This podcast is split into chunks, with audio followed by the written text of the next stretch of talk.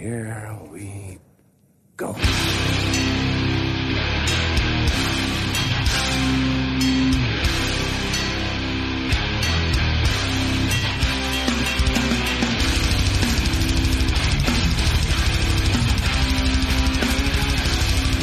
Då rullar vi igång med första avsnittet för höstsäsongen.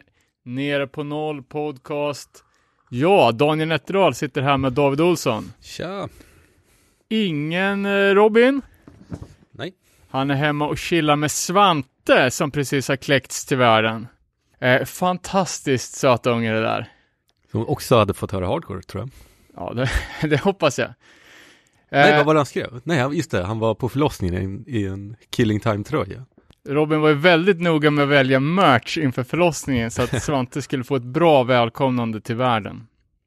Robban är ju med oss till, eh, till nästa avsnitt. Eh, vi ska bara köra en liten introgrej på ett avsnitt som vi redan har spelat in. Det gjorde vi i somras, som har legat och bunkrats för ett tillfälle som detta när Robin är upptagen med annat. Eh, så idag kommer vi huvudtemat vara året 2008 vad som hände då i våra liv och i hardcore-världen. Eh, Men vi tänkte bara ska göra en liten recap på ja, men vad som har hänt se- sen ni hörde oss sist. Nu känns det ju nästan lite fjuttigt att det bara är vi här, eh, när man precis har kommit från sommarpratsavsnitten som varit så jäkla bra. Ja, helvete vad det levererade. Eh, vi kommer såklart fortsätta med sommarpratskonceptet till, till nästa år. Eh, och jag tror att vi ska finslipa det lite, för nu vart det ju... Alltså våra sommarpratare lämnades ju lite vind för våg. Eh, och alla har ju inte riktigt samma förutsättningar med ja, mickar och utrustning eller glappkäft. Så vi har ju fortfarande, eh, kanske det dyker upp en höst i Nere på Noll special.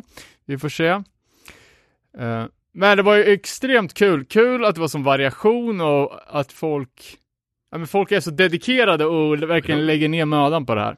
Lite kul att de hade lite olika approach också. Ja, superkul. Även ge en eh, eloge till, till Douglas som också gjorde ett bra, Ja, bra jävlar vad kul det var också. insats på Clash-specialen. Eh, och det har ju folk hört av sig folk här nu eh, med en hel del praise till Douglas, men också för att försvara de skivorna som vi kanske inte tyckte var så bra.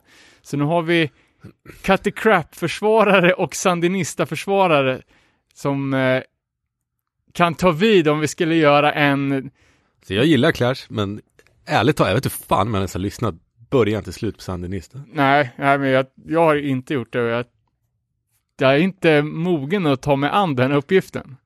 Okej, nu kommer det bli ännu mer hat, men är, den är väl lite creddig? Jag vet inte. Ja, men bland så här musikkännare typ. Ja, men säkert. Inte punkare. Nej. Nej, men det, alltså, såklart ligger felet hos en eh, egen ruttna smak. Om en, eh, ja men någon sorts jävla musikrecensent skulle få, få Sandinista på ett fat så skulle de ju få bånge direkt. Liksom. Ja. Men en annan fattar ju inte sånt som har mer än tre ackord. Visst är det en trippel-LP också? Preto. Eh, nyheter för hösten är också att Bastard Burgers kommer bjuda oss och våra gäster på käk inför varje avsnitt. Eh, vi blev kontaktade av Bastard för typ två år sedan när de ville bjuda upp oss till Norrland för att vi skulle kunna göra specialer om Luleå och Umeå Hardcore. Eh, tyvärr så kom det lite lokala barnafödanden och världsomfattande pandemier i vägen. Men idén är absolut inte nedlagd och vi kommer, vi kommer se till att det blir av, för det, det kommer bli extremt ja, kul. Ja. Och så skönt med lite geografisk spridning på att vi kan komma till gästerna som kanske inte annars hade varit så taggade på att åka 100 mil från Luleå för att snacka med oss. Eh, så Sen när vi fick, eh, fick eh, meddelande från Bastard att de ville gå in, så här, tyckte de sa det så jäkla fint och det värmer verkligen så här. Vi ser jobbet ni gör, tiden och energin som ni lägger ner och de, de ville ge någonting tillbaka. Ja, men ja. ja, att de faktiskt lyssnar. Ja, det är, det är också sjukt fett. Eh, och sen, då kan Plus ju vi... bästa maten. Eller hur? Och nu är ju den här podden en 100% vegansk podd. Och Bastard har ett excellent vegan-sortiment på menyn. Men också att vi kan ge någonting tillbaka till våra gäster som faktiskt tar sig hit för att snacka med oss. Att kunna bjuda på en lunch känns ju, eh, känns ju schysst. Och vi har ju några grejer i pipen här för kommande avsnitt. Eh, nästa gång ska vi göra Rancid del 2. Det spännande. Med två av landets kanske största Rancid-fans och det är ju Erik Olsson och Johan Terrak. Vi kommer ju ta vid efter Let's Go-plattan och får se hur långt vi, vi kommer, men det blir mycket fokus på en Outcome the Wolves uh, och de två plattorna efter det, Life Won't Wait och den andra självbetitlade som är så jäkla olika varandra. Och sen drar vi de tre, tio minuter på de tre senaste. Ja, men vi kanske, vi, kanske, vi får se hur, lång, hur långt vi kommer. Uh, och efter det så kommer vi göra the return av spelningar. Uh, vi kommer kolla på vilka spelningar som har gjorts nu uh, och vad som ligger i pipen. uppkommande festivaler, uppkommande gigs. Så vet ni om någonting som, som kommer äga rum så hojta på oss så kan vi sprida ordet vidare. Eh, och det behöver inte vara lokala grejer, utan det kan vara även vara liksom Fuck Your Attitude Fest 8 i Florida. Eh, kul. Och så kanske jag ska kolla liksom vad för eller emot corona, eller vad heter vaccinpass. Så att Madball var emot det? och vi kan göra en liten eh, koll på vilka, vilka band som är anti-vaxxers och så. Och på tal om eh, live också, mitt Davids eh, punkband Low Expectations kommer vi spela live eh, 18 september på invigningen av Örebros nya värtramp. Så det kommer bli live-punk eh, samtidigt som folk riskerar livet i en fyra meter hög värtramp. Mitt på dagen, typ från, ja men vid fyra, fyra snåret sådär på lördagen. Eh, och det är bara gratis entré, det är bara att komma dit och kolla och hänga. Ligger ute vid universitetet? Vid universitetet, precis. Så eh, kolla på det. Har vi några nyheter då? Vad, vad har hänt sen sist som är fortfarande aktuellt? Tro det eller ej, jag lyssnar på ny musik. What? Först och främst nya Turnstyle. Ja. Vad tycker du? Nej, men äh, jag, som, som vanligt, ingenting att klaga på. Jag tycker fan den var inte riktigt lika bra som den förra, men det kan ju ändra sig. Jag lyssnade ju först på den i din bil. Ja. Då tyckte jag inte heller det lät så bra. Uh, men då lyssnar man med halvt öra. Ja. Nu har jag lyssnat med hörlurar. Jävlar vad bra det är. Välproddat eller? Så här. Ja. Men det känns som typ de här flummiga delarna på den förra skivan. Ja. Nu är det bara sådana delar. Ja, har, jag, har du läst recensioner? jag, vet jag, du vad- jag har aldrig hört någon som har sagt att det är dåligt. Jag, och jag, alltså det här hade jag redan inför förra Turnstile-plattan, supermossig spaning om att det ska vara en bra inkörsport för, för folk till hardcore. Är det verkligen det längre? Nej, jag, jag, men jag, tro, jag trodde inte det då heller, för att nu är det så långt ifrån hardcore rent musikaliskt så att det finns liksom inga beröringspunkter längre. Men å andra sidan, ett coolt band med hardcore-rötter som, som syns i den så kallade mainstream-median kommer ju göra bra saker in, vad, vad säger man? Ja, men det kommer ju göra bra saker, liksom, även om det är ofrivilligt. Nu känner man inte dem personligen, men det är ju kul när det går bra för hardcore-människor. Ja. Sen vet jag inte om det är med liksom mina egna liksom algoritmer på Spotify, men varje gång jag lyssnar på Turnstile så får jag upp Nails efteråt. Men är inte de också jättekända? Jo, det måste ju vara det, men det är ju så jävla olika musik. Och jag lyssnar aldrig på Nails annars, förutom 100% av fallen när jag lyssnar på Turnstile, då kommer en, en jävla Nails-kross direkt efteråt. Ganska bra dock. Ja, absolut, men det... Jag vet fan, det är ingenting som jag brukar dra på. Och apropå Nails, det är ju bröderna Young är ju aktuella med eh, nytt släpp från God's Hate. Har du hört den? Nej. Där har vi bra grejer. Det är ju, ja men tung, ignorant hardcore. Det är inte så mycket trummaskiner i det. Nej, men det är ju, det är sån jävla fintoppssvarveri.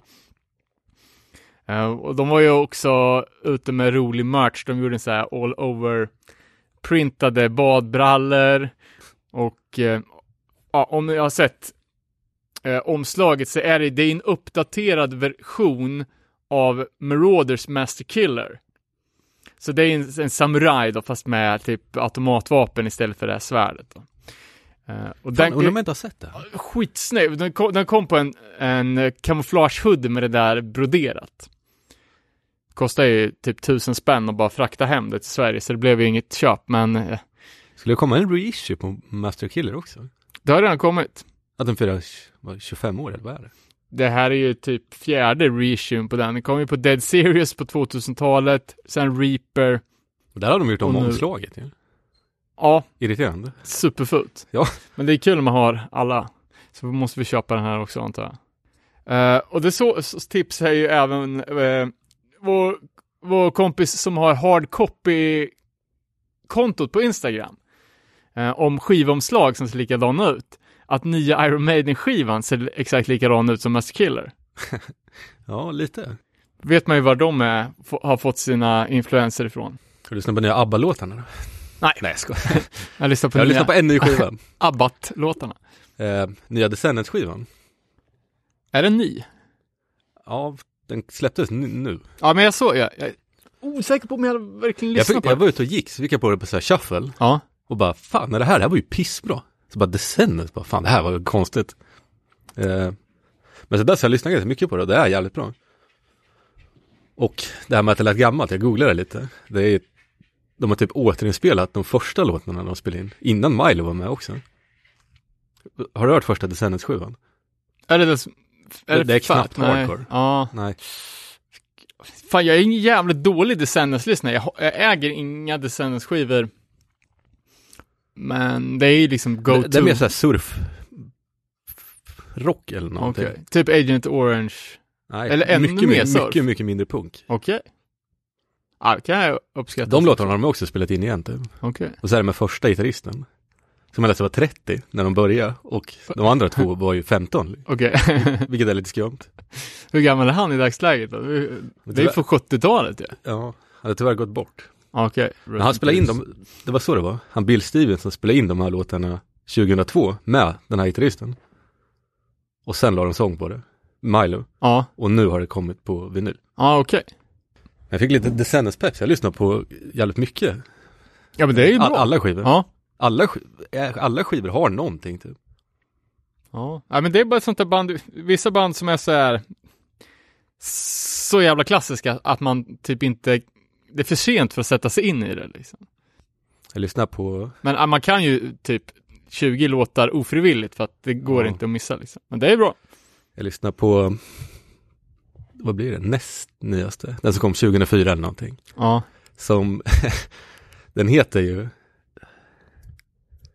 den heter, Cool to be you heter den. Ja. Men den borde heta Milo goes through a divorce, har jag tänkt. Det var då alla skatepunkbanden skilde sig och gjorde låtar om det. Typ NoFX och typ. Ändå fan ganska bra. Alltså. Det är ju också eh, aktuellt när eh, att eh, Tony Hawk, Steve Caballero, Ja, gjorde Millencolin cover. Ja. Um, det Och att Tony Hawk sjöng. ja, det sjöng ganska bra ju. Ja. Eh, men det kan vi prata mer om nästa vecka när Erik kommer för Rancid-specialen. Ja, nej men ska vi nöja oss med det? Det tycker jag. Då hoppar vi in på dagens tema som är bunkrade avsnittet om 2008.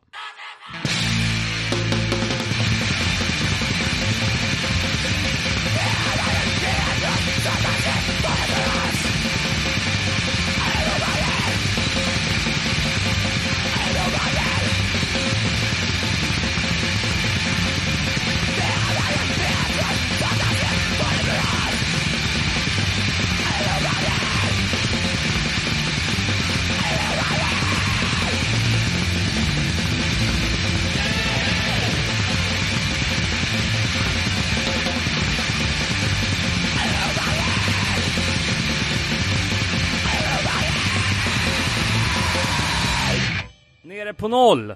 Vi sitter här i sommarvärmen. Jag, Robin Lindblad, tillsammans med David Olsson, Hej hej. Danne Nätterdal. Bara. Och eh, vi mår bra eller? Svinbra. Tillräckligt bra i alla fall. Tillräckligt bra för att vi ska kunna dammsuga fram lite Hänt i veckan och prata lite om året 2008 i vårt huvudtema idag. Det är inget Eh, bra ämne för mig alltså. Fan vad jag är sämst på att komma ihåg grejer. Alltså. jag vet inte ens vad jag gjorde 2008. Men pratar man om hardcore-året 2008 så det finns ju så sjukt mycket bra grejer som kom då.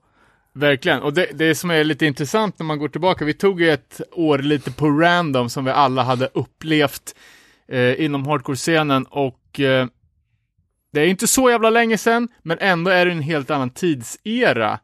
Um, framförallt avsaknaden av eh, internet i fickan. Ja men precis. Och att man inte hade någon telefon, och, eller i alla fall ingen kameratelefon. Vänta nu, det hade man ju. Hade du det? Hade jag det? Det känns som att man hade fan. iPhones då. Nej, nej, nej, nej, nej. iPhone, jag tror jag skaffade min första iPhone typ 2012, 2013 alltså. Ja, jag skaffade min första 2020. Ja. nej men, eh, Vad fan, jag är helt säker på att jag hade en mobilkamera. ja men det var nog en jävligt risig en alltså. Förmodligen. Du får liksom får, du får tänka hur Nej, jag vet vad jag hade. Sony Ericsson med så här Walkman i. Så man kunde lyssna på musik. Ja, ja just det. Ja, Alltid en, först med det nya. David Olsson. MP3-spelaren var nog säkert fortfarande en grej då. Det hade man också ja. Ja. Men det, var inte så att man live-twittrade sitt liv på Nej, tio så- nej, olika sociala är så. plattformar. Nej, exakt. Speciellt inte jag. Och det, det är det som gör att det är så jävla svårt. Eftersom den analoga kameran hade man ju outfadat i sitt liv. Så det finns ju typ ingenting sparat. Nej. Den enda grejen är ju Liljas analoga foto som han scannade in och la ut i efterhand. Det är de enda det. bilderna jag har typ från den tiden. Stället man postade bilder på 2008, det var nog bilddagboken va? Ja, eller MySpace. MySpace ja, just det. Eh, ja, Nej, men det var ju ett händelserikt år inom, eh, inom hardcoren i alla fall och det är väl det vi ska prata om. Men eh, först då ska vi beta av lite grejer som har hänt här sedan vi spelade in sist. Vi vet inte riktigt när det här avsnittet kommer ut men förhoppningsvis så eh, kan, kan några av de här grejerna fortfarande vara relevanta. Eh, Shit. vi börjar med då att, eh, jag, jag tror vi har snackat om det i något tidigare avsnitt, men att de skulle göra en eh, biopic på Sex Pistols. Att det var liksom eh, någon form av eh, Hollywood-produktion med Okej. Danny Boyle i spetsen. Ehm, Fan, det har jag i så fall glömt. Ja. eh, ja, det är, förlåt, det är snarare en serie. Det är liksom just inte det, en, det, en spelfilm, utan det är liksom mer en Det med Danny Boyle. Ja men han är väl liksom känd musikalproducent och alltså stor dirigent, kompositör. Alltså lite i eh, liksom Ja men Broadway-scenen. Ja nej men alltså han är ju liksom känd så. okej. Ja. Ehm, men eh, den, är ju då, den här serien ska ju då vara baserad på Steve Jones biografi eh, och var i sex delar. Eh, men ja, eh, nu senast, jag tror att det var en, en, eh, en deal med Netflix också om att släppa den där. Eh, men eh, den, eh, den fick, eh, eh, inspelningen fick eh, skjutas fram på grund av att det hade blivit ett corona-outbreak när de hade filmat en scen med hundratals pers som morsade eh, till, till liksom, till bandet då. Så att, eh, ja, det var lite, det var lite komiskt i sammanhanget att Är man försiktigt positiv till det här? Ja, alltså med, med Boyle i spetsen så tror jag att det kan bli bra. Netflix gör ju bra miniserier så att eh, Skulle också kunna bli jävligt pajet. faktiskt. Ehm, sen så såg jag att det var lite fler Europaturnéer annonserade. Eh, kanske ingenting som kommer direkt till Sverige, men i närheten i alla fall. Adolescents är tillbaka i Europa 2022. Ehm, de spelade väl senast, eh, i alla fall i Sverige, typ Motala Hardcore Fest 2013 Ja, eller något sånt. Eh, så att eh, för er som gillar dem så finns det möjlighet att, att se dem nästa år. Det kommer ju upp flyers om Dead Kennedys gig i Sverige, Göteborg och Malmö 2022 också. Åh fan! Eh, det diskuterades direkt om det, om det var någonting att gå på. Och det är såklart att man inte ska göra. Nej. Nya inkarnationen av Dead Kennedys är ett jävla skämt som inte borde spela. Eh, ett annat band som inte har spelat på länge det är Circle Jerks. De var väl bokade till Punk and Drublic va? Från början. Ja, ja men precis. Eller precis. som var i Oslo väl? ja, eller Malmö och kanske. skulle vara i Malmö. Men det blev ju inte av. Men nu i, eh, i höst så ska de ju spela sina första gigs då på tio år. Och det var ju annonserat att det skulle vara Keith Morris, Greg Hetson, Sander Schloss. Eh, men de skrev aldrig vem som skulle trumma. Nu är det ju då bekräftat att det blir Joe Castillo eh, från eh, Danzig och The Bronx och eh, Queens of the Stone Age. Ehm, Wasted Youth har, har han väl spelat i också, tror jag. Eh, så att eh, line-upen, nya Circle Jerks är komplett. Eh, sen så eh, får vi se om de återvänder 2022 till Punkin Drublic när det blir av. Såg ni något promofoto för det där? Satan, Greg Hetson var, var sliten han såg ut Ja, alltså. fan. Eller gammal kanske bara. Klarade sig från corona i alla fall. Uppenbarligen. Ja, men man tänker eftersom Keith Morris var ganska utlämnande i sin biografi om hans hårda leven och hur han låg och söp själv under bilar redan i tonårsåldern. så kan man ju tänka att han såg oförtjänt fräsch ut. Ja, ja verkligen.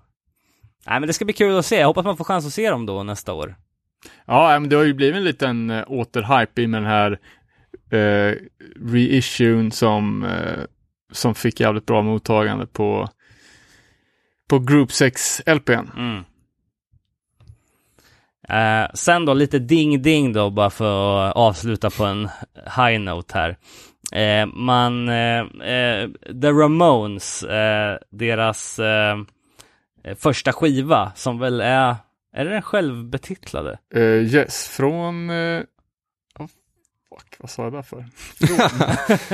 uh, jag, tänkte, jag tänkte precis säga att, den, Höfta. att det var någon, uh, något jubileum. Ja. Nej, jag är osäker men... 76. Ja, precis. Vad fan blir det? Det blir 95 år då. Men det här ska i alla fall bli den första punkskivan som nu skjuts upp i rymden. eh, det är ju då We're going We're going to put, our punk record where no punk record has gone before, säger CJ då på sin Instagram. Eh, skivan, det är också säkert, det, eh, det avslutas med The record is slated vilket man brukar säga is slated for release. Men nej, the record is slated to be shot into space. July 17, eh, 2022. Um, de hävdar också att det kommer inte liksom eh, bli något rymdskrot av den här skivan, utan den kommer återvända safe and sound. Men borde jag skickat upp Rocket till Russia istället? ja, jag menar det. ja, ja, men det är fan A for effort, kan man Ja. tycka. Sen måste jag bara, jag måste återigen sparka på den döda hästen som är Age of Quarrel reissuen. Som Vad är fan, jag har sett lite bilder på den där Records Today-skivan. Ja, jag ser den på Ebay. Den ligger typ uppe för 800 spänn. Här vidriga profitörer som har köpt den för 200 och säljer den direkt för 800. Ja, Det sjuka är ju dock om det är någon jävel som köper den. precis. Eh, och eh, det var Säljer ju den mycket... till j.joseph på Instagram. Eller på Ebay. ja, exakt. Nej, men det var my- mycket fram och tillbaks med den här jäveln. Nu då, senaste utvecklingen var faktiskt redan igår då Harley gick ut och sa att skivan är redo för att bli såld och eh, den kommer säljas på Record Store Day. Eh, de, eh, de har ringt runt till några så här östkust skivbutiker och frågat om de skulle ha den och de verkar ha fått in den. Eh, så att, ja. Eh, det enda Harley sa om det, det var att den kommer säljas, inte att köp den, vi kommer få pengar för den, utan den kommer finnas. Ja, Faceat the fact att den är ute och att han inte kan göra något åt saken. Ja, precis, precis. Eh, ja, nej, men det om det. I övrigt, vi har inte fått så mycket feedback. Eh, vi har ju, eh, vi rullar ju på med sommarpraten liksom. Eh, så att, eh, Fan, jävligt bra. Ja, eh, vi har släppt tre stycken nu. Det kommer eh, fyra, fem till. Eh, och sen så är vi tillbaka med ordinarie avsnitt. Men vi tänkte väl ta tillfället i akt och prata lite om guldåret 2008. Vi kommer navigera oss eh, mellan allt ifrån Have Heart till Gravemaker till The Carrier till eh, In Other Climes. Eh, ja, vad mer har vi att bjuda på? Ja, men lite. Just ja, det. Fan. Och, ja, men det är lite spelningar, festivaler. Men om man kollar tillbaks på det så är det ju ett, också ett jävla bra år för hardcore. Mycket monumentala släpp som håller än idag. Ja men verkligen. Och ganska mycket olika genrer också som har ja, men stilbildande släpp tycker jag. Precis. Eh, men ska vi börja med att bara placera oss själva i 2008 rent privat? så ni vet vad vi höll på med. Ja, absolut. Ska jag börja? Gärna. Eh, 2008 så var jag 22. Eh, jag hade precis börjat plugga på universitetet. Körde en 30-poängskurs i engelska på Örebro universitet på våren och sen så flyttade jag till Linköping på sommaren. Nej, men jag, jag kom i kontakt med eh, Linköping Hardcore i alla fall när jag flyttade dit. Innan så hade jag haft min, liksom, min revival inom punk och hardcore i och med att jag träffade Simon Lundmark från Let Me Out eh, och gick och såg Let Me Out tillsammans med några andra band i B-salen. Eh, så att hardcore-peppen var hög, eh, flyttade till Linköping, började lyssna på Outlast, Stay Hungry, Lions Den, eh, Restless Nights, eh, Bitter Taste of Life, massa band så. Ehm, och således hamnade på eh, Deadfest också i Linköping där på hösten. Eh, så ja, det var... Det... Medan du flyttade från Örebro flyttade jag till Örebro. Men hur gammal var du då, när du flyttade till Örebro? 24. Okej. Och eh, var det så att du redan innan hade gått på spelningar i B-salen, antar jag, Treasurefest och... Vet fan inte. Men jag var, jag var jävligt inne på hardcore. Men där hade, jag hade nog varit där några år då. Ja, Men flytt, hade liksom hardcore-scenen i Örebro någon dragningskraft till att du valde att plugga här? Egentligen inte. Det var bara en lycklig slump. Ja, typ. Och, Jag hade nog varit jävligt mycket Linköping innan. ja. Eh, och kändes nästan som att det höll på att försvinna. ja, ja, men det gjorde du ju. Och jag är jävligt inne på tung hardcore. Så Mm. Örebro var ju fett därför. Ja, det kändes ju som mjukisbyxmäckat i slutet av 2000-talet. True that. Du då, Danne? Eh, jo, men jag, jag jobbar ju faktiskt här i den här lokalen där vi sitter nu och spelar in. Eh, på Skate Out-distributionen. Eh, det företaget som David nu äger och kör som en enmansgrej. Vi var ju 20 pers här. Jäklar. Eh, så det var ju en lite annan tid. Eh, när det fanns eh, butiker att sälja prylar till i överflöd. Eh, sen var jag ju inne i en jävligt djup, alltså deep gott industrisyntperiod. Gick med lång svart läderrock och åkte ner till Berlin minst en gång i månaden. Nej, Nej men jag sk- skejtade och lyssnade på hardcore som vanligt. Letade förgäves efter punkplattor på Tradera. Det var, här i, precis innan jag upptäckte Ebay och Discogs. Ja, ja, okej. Ehm, ja, och så jag skulle, skulle, eller blev farsa. Ja, just 2008. det. Just det.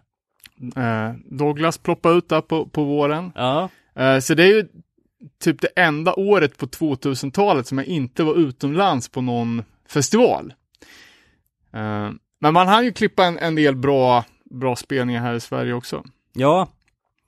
Eh, jag minns inte om det var, men jag, alltså ett spelningsminne som ligger mig väldigt varmt om hjärtat från 2008, eh, Eh, det var ju eh, Let Me Outs releasefest på mitt andra hem i Örebro.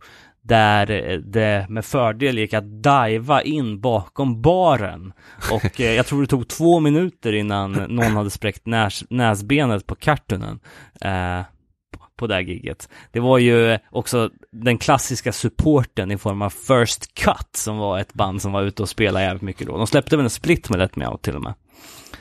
Man tror de var från Skåne eller Jo, någonting. de, eller Falkenberg eller något sånt där, någonstans. Fan, jag tror att, vad kan de ha hetat, den här Västerås-gänget? Eh, Angers Curse? Nej? Ja, kan det ha varit Angers Curse? Körde Blood for Blood cover som jag gästsjöng på det giget. Jaha. Jag mig det. Finns några klina bilder på det. Jag tror Ja. det var samma, samma gig. Ja, det var den minsta lokalen man någonsin hade varit på, men sånt jävla stök alltså. Ja, det var ju bra. Det var ju inte så, så ofta hardcore-spelningar där, men det var ju punk-DJs fan varenda helg. Ja, ja. Det var liksom, ja, rocksluskhaket nummer ett i, i Örebro. Men det stängde väl ganska typ den tiden också? Ja, det kanske... Mm, jag kanske tror inte det var öppet mycket längre alltså. Nej, det var, jag vet att det var öppet när jag flyttade hit. Ja, Men inte länge. Eh, sen annars var det ju Kulturhuset och B-salen som var liksom homegrounds för hardcore-scenen.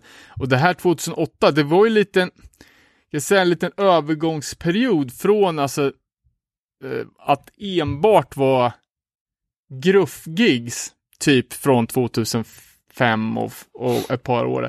2008 så hade det blivit en lite mer alltså metalcore-scen Mm. med massa, Men var Nytt metalcore folk. skitstort de här åren? ja verkligen, alltså jag tror Typ att att det pikar här någonstans. när Codus Life spelade i B-salen för 50 pers, så liksom, När var det? 2007, så var det ju liksom, inte vet jag, 300 på när, ja men så här, Have Heart och, och såna här Ja, emo-dödsband spela. när Have Heart gjorde sin spelning i B-salen, fan, det kanske var några år senare i och för sig. När var det de åkte på sin sista turné? Var det 2010? Eh, inte en susning alltså. För då var det ju så pass att folk satt framför scen och försökte hålla sina platser liksom. Och vi som ville morsa, vi fick stå längst bak i lokalen. Ja, visst fan är det sjukt. Ja. Have Heart. Vilken jävla dänga. Men på tal om dem då, Songs to Scream at the Sun kom ju ut det här året. Jag ja, jag, jag såg det. Eh, Det satte ju lite standarden för vad en, liksom, ett... vad Är det deras sista skiva? Nej. Ehm, men det är ju ett... Men det är inte deras första skiva? Nej, nej, nej. Ehm, ja, det är väl mi- mittenplattan tror jag. mittenplattan. Den svåra mittenplattan? De släppte ju ehm, en, eh, alltså The Things We Carry innan 2006 och sen så släppte de, ja, eh, sin, ehm, sin sista, ja det kanske är deras sista i och för sig. För den sista var liveskivan och den kom 2010.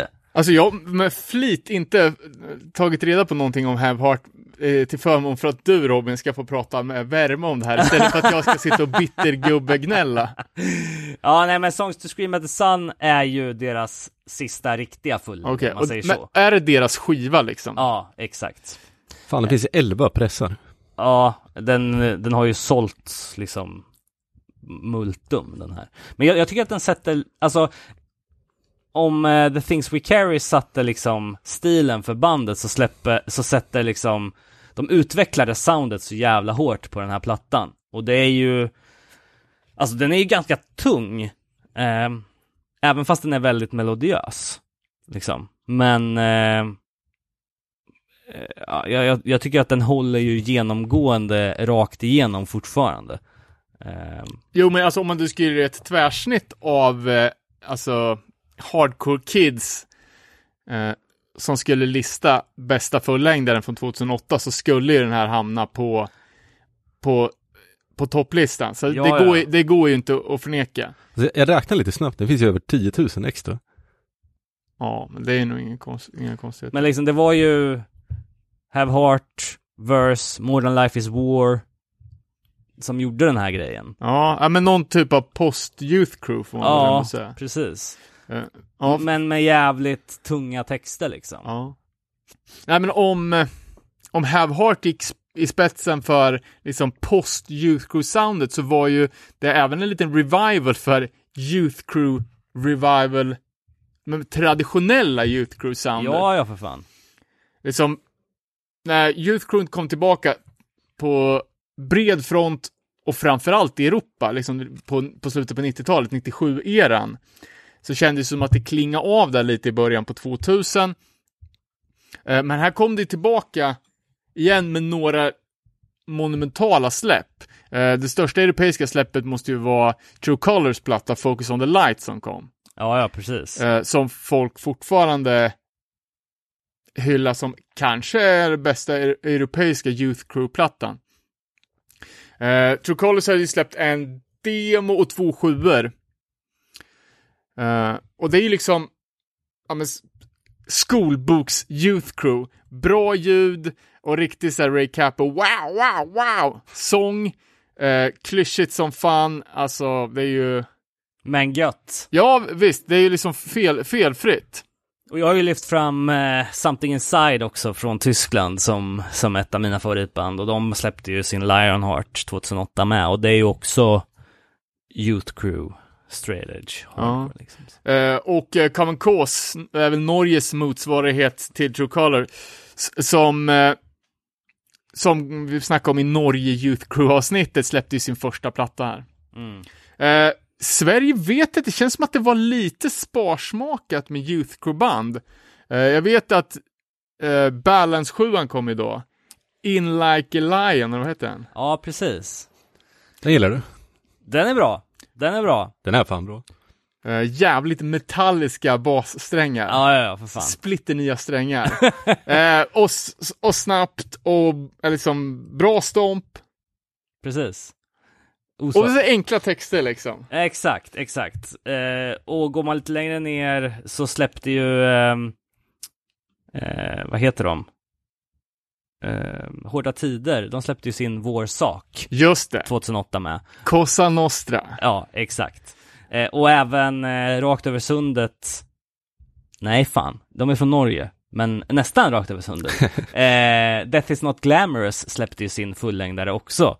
Som väl mer lyfte upp den här melodiösa punk hardcoren liksom. Eller ha- hardcore-rocken till, till liksom. Ja. ja vi måste ju vi måste hålla kvar lite vid hårda tider, för det är ju 2000-talets, i alla fall enligt mig, viktigaste svenska hardcoreband. Ja, ja, ja, för fan. Och vi har ju haft ett hårda tider specialavsnitt i pipen i fan i många år nu, men det kommer.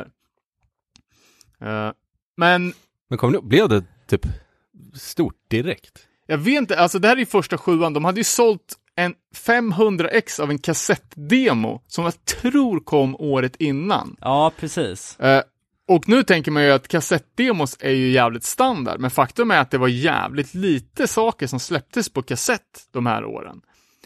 Eh, och att det här var ju typ sista dödsryckningen av CDR-formatet. eh, och jag gjorde en, en snabb kollning på, på Discogs vad som har släppt, det var typ bara två punkkassetter som, som gavs ut eh, i, 2008 från Sverige. Mm. Eh, eh, men Hå- Hårda Tider hade ju släppt en demo och pumpat ut den i 500x. Är ju bra jobbat alltså. Verkligen. Och det vet inte fan, den här landar så jävla rätt hos mig. Eh, det är ju lite random, alltså Hårda Tider var ju vad jag vet första bandet som körde hardcore på svenska. Och det Ja, skulle ja. ju kunna vid första anblick vara lite för out there liksom. Men jag tyckte den här var jävligt bra. Men, ja, men också hur man tar sig emot i eh, eh, låten Hardcore in the fucking streets. Alltså, eh, för när jag lyssnar på den här, då minns jag det som att den låg först. Nu är det inte den som ligger först. Ja men inte enligt- Bring the Ruckus. Ja, precis. Men på något sätt, jag vet inte om jag fick in en MP3-version av den här eller någonting, men Hardcore in the fucking streets var först i alla fall ja, på okej. den. Ja. Och eh, liksom, det introt gör ju bara att man blir så jävla peppad. Ja, nej men det var ju... För jag tycker mer det där, hårda tider, visa respekt. Ja, ja, ja. Hardcore Sveriges miljonprojekt. ja, men det var ju, alltså det var ju klockrent. Jag kommer ihåg när jag bar nyfödda Douglas på armen och gick fram och tillbaka side to side framför skivhyllan i vardagsrummet och morsade till det här. Och han tyckte det var skitkul. Jag också. Uh, och så hårda tider, liksom att jag hade lite hårda tider. Morsan hade fått cancer, mina föräldrar skulle skiljas. Och sen så, det var lite allmänt sketet, och så kom den här skivan som hette Hårda tider. Eh, Så kommer jag ihåg att jag tatuerade hårda tider på benet. Dels för att det var hårda tider men också som en hyllning till, till Mm. bandet för jag tyckte den här var, skivan var så jävla fet. Och just det här med att Alltså, ja, de ger ju respekt till, till graffen och så här orten-tugget, eh, men också till Cheng. Men det som var lite unikt var ju att de gav respekt till New York Hardcore som fortfarande var big no-no för folk. Alltså, Ja. det var ingen som, du vet, det var ingen som peppade sådana grejer. Jag har aldrig sett en New York Hardcore-tröja på ett gig i Sverige. Nej. Och helt plötsligt så kommer det några, liksom två dreads eh, kängsnubbar och bara gör Warzone-cover. Man vart ju bara wow, det här är så jävla fett liksom. Um, nej, så här, mon- monumentalt sjua, lätt det viktigaste svenska släppet från det här året. Eh, och jag tänker att vi kan gå ännu djupare på det i en, ett dedikerat avsnitt till, till hårda tider. Ja, verkligen. Eh, alltså, ja, den är ju absolut på min topp tre-lista över de viktigaste eh, släppen. Sen såg jag att Anchor hade släppt fullängdaren det Äh, året också. Precis. De, de släppte ju sin eh, Recovery, va? Nej, den, The Quiet Dance heter den. The Quiet Dance. Ehm, och även eh, Stay Hungry släppte ju sin demo 2008. Eh, som också får säga är up there. Fan, är det en, är det en CDR-demo eller? Eh, ja, jag vet inte. Ja, du Faktiskt. körde ju digitalt såklart. Eller? Släpptes den? Jag tror att den släpptes På på... MySpace jo, men de, den släpptes på CDR först och sen året efter så kom den på sjua. Ja, okej. Eh, men där har du ju liksom eh, åtta låtar totalt jävla röj alltså. Ehm, Ja, apropå CDR-demos så var ju en eh, som gick flitigt i bilen var ju Kristianstadbandet Decades of Blood. Var det något ni lyssnade på? Ja, för fan, Ja, för det är ju stenhårt. eh, och eh, det var väl de som gjorde sin sista spelning va, på Fatfest två år senare. Har jag för mig. Ja, det var ett Eh. ko- kort, kortlivat band, men de var ju, alltså, det var ju väl de och Lost Kind från Ja. Örebro som var typ de första svenska beatdown-banden. Precis. Eh, Men, eh, men ändå lite, de hade ju ändå lite så här dödsinfluenser också liksom. De Ja. körde sina tung, tunga partier och lite blast beats och sådär. kände, jag vet, jag inte fan, jag hade jag fick ingen riktig kläm, men det kändes som att det var kanske typ, du vet, jävligt svenskt, att man gör någonting, för att man gör det också med lite, så här, lite på skämt. Ja, För att safea upp ifall någon skulle kritisera en. Var det inte samplingar och grejer? Eller, det var fan länge sedan man lyssnade på det. Ja. Visst var det samplingar? Det måste det vara, annars är det inte beatdown. nej exakt. Eh, men jävligt, eh, de, ha- de hade ju bra merch, jag för mig att de hade ett så här eget klädesmärke också. Men mm. körde mycket med, med diamanter och knogarna och skit som var så eh, obligatoriskt på den här tiden. Eh, och eh, för oss som var aktiva i scenen på den här tiden så får man väl heller inte glömma eh, den, det skivbolaget som inte släppte något det här året men väl i alla fall bildades. Green Menace som kom att ligga till grunden för jävligt mycket bra svenska hardcore-releaser i slutet av 2000 början av 10-talet liksom. Ja, verkligen. Alltså jag kommer ihåg när vissa av plattorna som jag kommer nämna senare köpte jag av Bergfjord ur Green Menace-distron. Mm.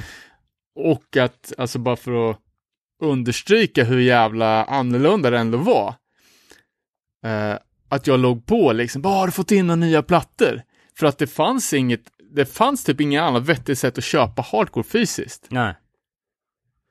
Eller, ja såklart man kanske skulle kunna beställa från Cortex, men ändå, det var så jävla tunnsållat, så man gick och typ ruva på att Bergfjord skulle få hem någonting. eh, vilket är jävligt mäktigt. Så annat svenskt band då, som släppte sin första demo 2008, som man tänker tillbaka så känns det som att det skulle vara mycket nyare. Vet inte varför. Norrköpings egna Bitter Taste of Life. Eh, fan, ett band som sticker ut på jävligt många sätt med här, sitt gung-flow, lite cross, Ja. och sen med framförallt äh, alltså, två sångare, det är svårt att och, eh, komma undan med, men de gjorde det ju fan ypperligt, extremt bra. Eh, och det var väl också starten på en liten hardcore-våg i Norrköping med Mm. mycket gigs och eh, lite olika band som var därifrån. Precis. Eh, Unity Fest spånar väl sin första iteration 2008. Eh, Var det 2008? eller var det senare? Nej, det var nog fan 2010, förlåt. Ja, Jag- men det börjar ju, det börjar ju, vara- man hade ju inte varit på gigs Norrköping på bra många år. Nej, Men precis. det börjar ju bubbla lite. Och det var ju liksom, ja, Billy Taste of Life-folket som var drivande i den scenen. Och några till. Precis.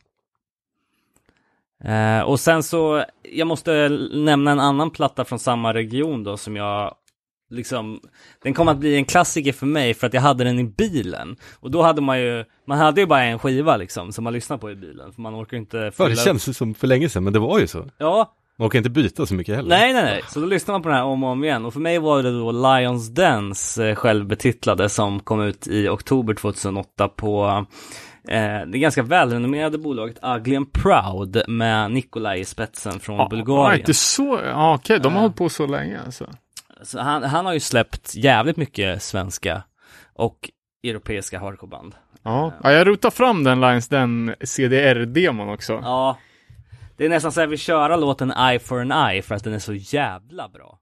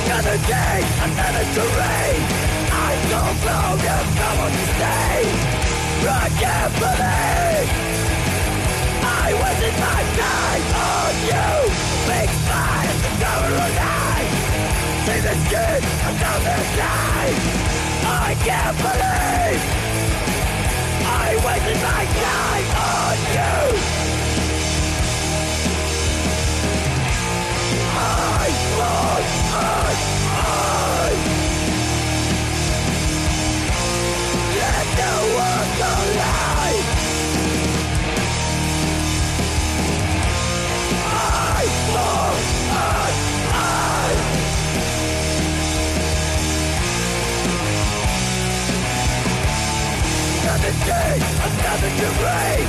Find out loud and someone to say. I can't believe I wasted my time on you.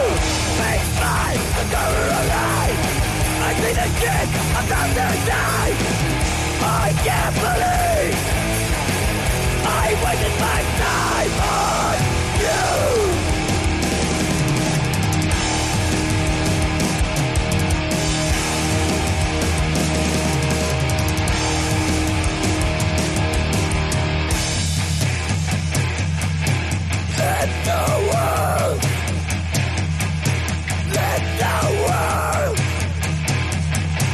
Let the world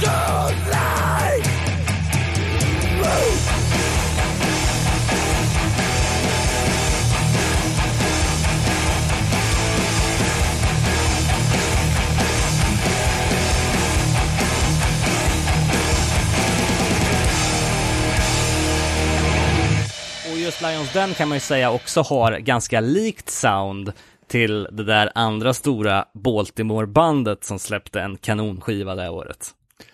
Eh, precis, det var ju ett Trapped Under Ice. De hade ju gjort en, en demo innan som jag inte riktigt, som jag inte hade då. Jag vet inte fan hur den släpptes. Om det var så att det var en CDR-demo också som sen släpptes på sjua på Flatspot Records.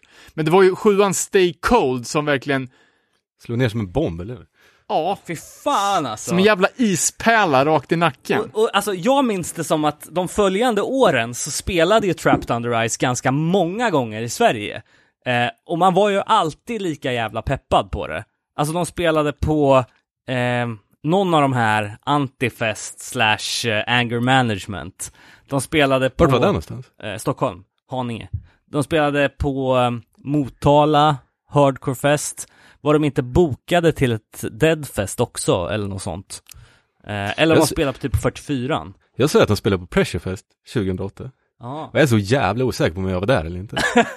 Jo, men jag är ganska säker Jag på är att du var typ där. säker på att jag var där. Men jag minns, alltså, man minns Trapped Under Ice-spelningarna för att de var så jävla, Men jag tror de spelade tidigt då. Jag vet inte ja. fan om det hade, Om det hade satt sig i Tyskland. nej, förmodligen inte. Nej, men det, det börjar ju, det börjar ju snackas om om Trapped Under Ice brett liksom i och med den här sjuan. Mm. Eh, sen vill inte jag vara den och du vet, vara den här dryga personen som säger att de var bäst på demon. Men Soulwise Reality Unfolds är ju fan det typ några av det bästa som har gjorts från de här, de här åren. Ja, ja, fan. Det snackade vi Jag håller fan inte med. Jag tycker fan den här sjön är bättre. Ja, den är också pissbra, alltså jag ska, jag ska inte sitta och ratea. Jag, jag lyssnade faktiskt på den här i veckan och jag har inte riktigt tänkt på det. Eh, förutom att det liksom är dränkt i Madball Riff så är det fan lite så här American Nightmare desperation på sången. Mm. Eh, Texterna är lite åt det hållet också. Ja, Men det är som någon blandning typ.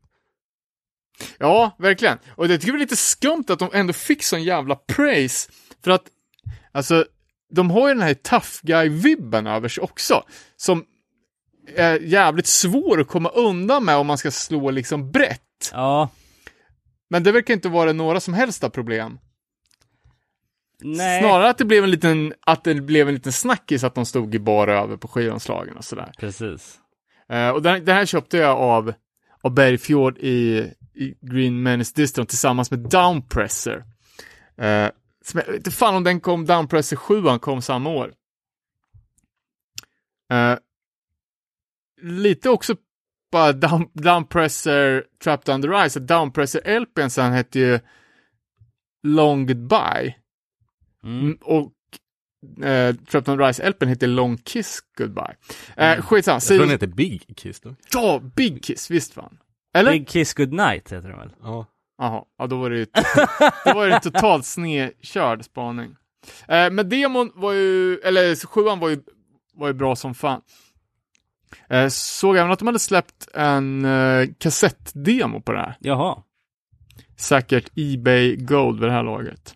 Förlåt, det var inte meningen att ta oss från, eh, från Sverige till USA, men det finns ju så mycket bra releaser som, som kom 2008 och man vill ju gärna hoppa till eh, till det som ligger en närmast. liksom. Eh, både Trapped Under Ice men även för mig då Gravemaker som vi hade i Linköping för nio betalande eh, i, i, eh, 2008 och sen så kom de tillbaka 2009 som support till Comeback Kid. Eh, och Då var det mer folk. då var det mer folk Inte för Gravemaker kanske. kanske. Men eh, jag tycker de gör det jävligt bra på plattan som då heter Bury Me At Sea. Eh, Time Heals Nothing är ju ett jävla öppningsspår utan dess like. Sen så eh, la de ju ner, eh, efter, de släppte en fullängdare till men sen la de ner dem. Men den här första är ju släppt på Think Fast Records. Ehm, som, eh, ja de har ju släppt eh, Det är ju, det är ju Wisdom in Chains-folket. Ja, de har ju släppt etikett. och lite så. Vadå? De har ju släppt någon, jag vet inte om det är, de släppte väl Our Darkest Days va? På vinyl. Okej. Think Fast.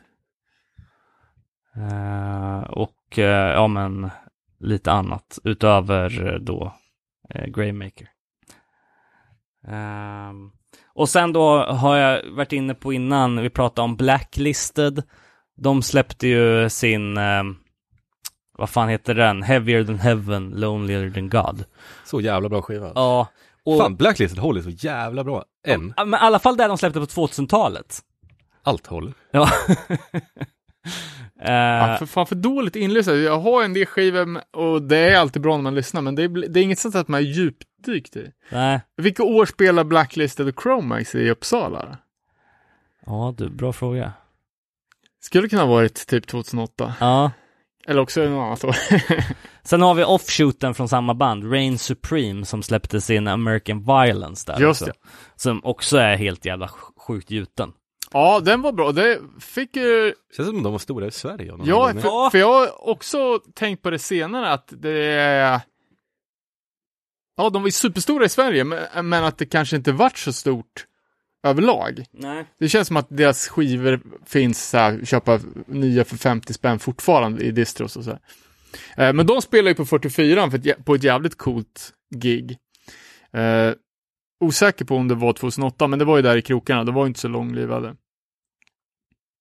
Eh, sen eh, om det var en liten Youth Crew Revival Revival så var det ju även, tycker jag, att det började bubbla lite crossover-miljön. Ehm, det här är ju inte riktigt min eh, vardagssubgenre. Uh, men som jag upplevde det så, så började det ta, ta lite fart. Ehm, band som Toxic Holocaust och Municipal Waste hade ju harvat på i ganska många år redan. Men att det nu börjar komma lite band som skulle bli jävligt dominerande i den här liksom hardcore crossover-scenen och framförallt då eh, Power mellanslag Trip som släppte sin demo då. Uh, jag vet fan, jag, jag, jag köpte inte demo, jag kände som att jag var lite sen på bollen och köpte skivan som kom året efter som heter Armageddon Blues, en sjua. Riktigt fullt omslag, men den var ju, de var så jävla upphypade redan då så att jag fick liksom ta mig till det här bara för att man måste. Var det Iron Age jävligt stora också. Jo, oh, precis. Och de släppte en sjua det här året. Också en pissfullt omslag. fan fula omslag. Alla Eh, deras omslag är skitfula. Ja. Eh, men det verkar funka, funkat ändå. Och eh, den här Powertrip 7 eh, Jag vet inte om, om den kom direkt som en demo 7 eller om det var släppt digitalt eller på någon brännsedel från början. Osäker. Eh, jag vet att det suspekta bolaget Double or Nothing släppte den i 30x på kassett. Varför är de suspekta? de hade jävligt dåligt rykte för, alltså för att typ inte skicka grejer som man beställde. Eh, året efter släppte de började de släppa grejer med One Life Crew. Var inte riktigt lika kontroversiellt då. Är det de som släpper Steel Nation? Ja, Släppte. precis. Ja. Eh, ja, men alltid har funnits, i alla fall i min bok, en viss aura av sketchiness. Att man typ inte vågar köpa grejer därifrån. Nej, okej. Jag kan, kan ha fått, kan ha fått dem bakfoten. Nej men fan, nu när du säger det, jag tror att det kanske, att jag kanske typ beställde Steel Nation LP men fick den inte. Ja. Och att, eller vi kanske gjorde det tillsammans. ja, jag köpte min senare. Jag tror jag köpte den på spelning sen också. Fredricia. För att jag inte fick den. Eller? Ja, kanske. Ja, nej, men så, så Pa- Power Trip gjorde sin, sin debut. Sen ett band som ja, konstigt nog lyssnade skitmycket på då är ju engelska Deal With It som såg jag nu på disco hade släppt en, en demokassett redan 2006. Eh, där står det Deal With It XXX och de har ett så här svartvitt hårdkontrasterat omslag med någon varg på. Såg ut som en riktig jävla grottmans straight edge. Eh, Men sjuan som kom och framförallt LPn där är ju eh, Ja men jag vet inte fan, ett av de första banden som jag hörde från den här eran som började köra, flirta med crossover. Okej. Eh, och att det här var också pre the new wave of British hardcore. Känns som att det var pisslite band från England som var aktiva under de här åren. Ja. Sen skulle det bara vråla in band eh, från England, men just då så kändes det som att det var lite unikt.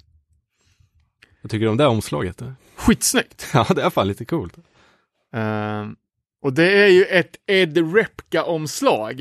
Eh, ni som inte har sett den, jag tror att Deal With It är rätt så underskattad och att folk inte lyssnar på den. Det är ju en så här en jävla ödlemänniska, tänk tv-serien V, som står i någon så här portal. Eh, och Ed Repkas är ju kä- superkänd albumskapare, har ju gjort framförallt omslag till typ Megadeth och Death, eh, Leprosy och ja, men, super, super tydligt vad, vad, vad som är ett Repka-omslag. Kör ju mycket i färgskalan lila-orange. Okej. Svinsnyggt. Jag gjorde prefix för, prefix för Death till Necro, jag gjort Nuclear Assault och eh, kolla faktiskt upp den någon gång, vilka grejer som han hade gjort. Och lite otippat så har han gjort eh, NoFX-plattan S&M Airlines. Jaha. Eh, man ser ju det tydligt med det här jävla användandet av orange. Eh, och han har även gjort första Biohazard-LPn. Okej. Den med bara ett stort orange eh, Biohazard-märke. Ja, ja. Eh, så det är lite omslagens tag art, eller trash-varianten på klassisk tag art. Typ. Eh, ett omslag som man direkt liksom ser vad det är för konstnär. Eh, så det kan vara, vara omslaget som gjorde att jag gav den här LPn en chans. Mm. För jag kan inte minnas att jag har köpt den på någon gig eller sånt. Nej, Eh, men det är möjligt att de lirar på, på någon festival typ. just det. Lyssnar ni någonting på Deal With It? Nej. Inte jättemycket, men det känns som att jag har sett dem live däremot. Ja, okej. Ja, jag, jag, kan, jag kan vara... Eh, det, det, kan- det kan mycket vara så att, att de har lirat, lirat i Sverige. Eh, sen, sen sista då, det måste ha tre, tre exempel för att göra en spaning. Eh, och då för att kvotera in det här lite då, så tar jag bandet Alpha and Omega, som jag tycker är fan fenomenalt jävla bra. Eh, bästa släppet från dem är ju Life Swallower från 2010. Men de släppte sin första sjua, eh, Devil's Bed, 2008. Eh, och det här är ju liksom Marauder Riffs eh, crossover med skönsång typ. Just det. De har spelat Linköping däremot. Det har de gjort. Eh, jag tycker det är riktigt jävla bra. Eh, slänger in en liten braskis om att de kan ha varit lite metoo-beryktade. Eh, men rent musikaliskt så tycker jag att det var jävligt bra i alla fall. Ja, nice. Eh, får jag ta vid där och prata lite om eh, lite europeiska band som väl ändå var antingen i sin prime 2008 eller up and coming. Vi kan väl börja i England då eftersom du frågade, du efterlyste brittiska band som var aktiva på den här. Eh, Dirty Money är ju ett band som spelade i eh, Göteborg right. i den här vevan. Eh, de Släppte släppte ju med Trapped Under Rise. en split med Trapped Under Ice 2008. Eh, Man har alltid tänkt på det som lite budgetversionen av Trapped Under Ice. Eller jag har gjort det. Men eh, då tycker jag du ska lyssna på Dirty Moneys fullängdare, eller fullängdare, men deras, eh, liksom, ett av deras bästa släpp. Eh, no Escaping This. Som kom 2007, eller för all del demon från 2006, som är jävligt bra. Det här introt på demon alltså, Dirty fucking money go! Den, den, den är asfet. Sen har vi ju Special Move från Jaha, England, ja, som, det. som kom ut med sin eh, fullängdare på Ruction då, Curse of the Blackwater. All right. Var det här mitt i Ruction-eran? Det här har jag glömt bort Alltså. Ruction, ja, mitt i. De släppte ju både Special Move, Billy Club Sandwich, True Values, Deal With It kom ju där också 2008. Men 2007 har du ju de stora släppen med Stout och Knuckle Dust och, och. När fan kom Band Them Out? 2006 släppte de sin self, själv, self-betitlade, självbetitlade. Eh, och även Nine Bar kom ju 2006. Och så. Ja, av den Billy Clubs Sandwich, vad heter den? Fan, Usual Suspects. Ja, just det.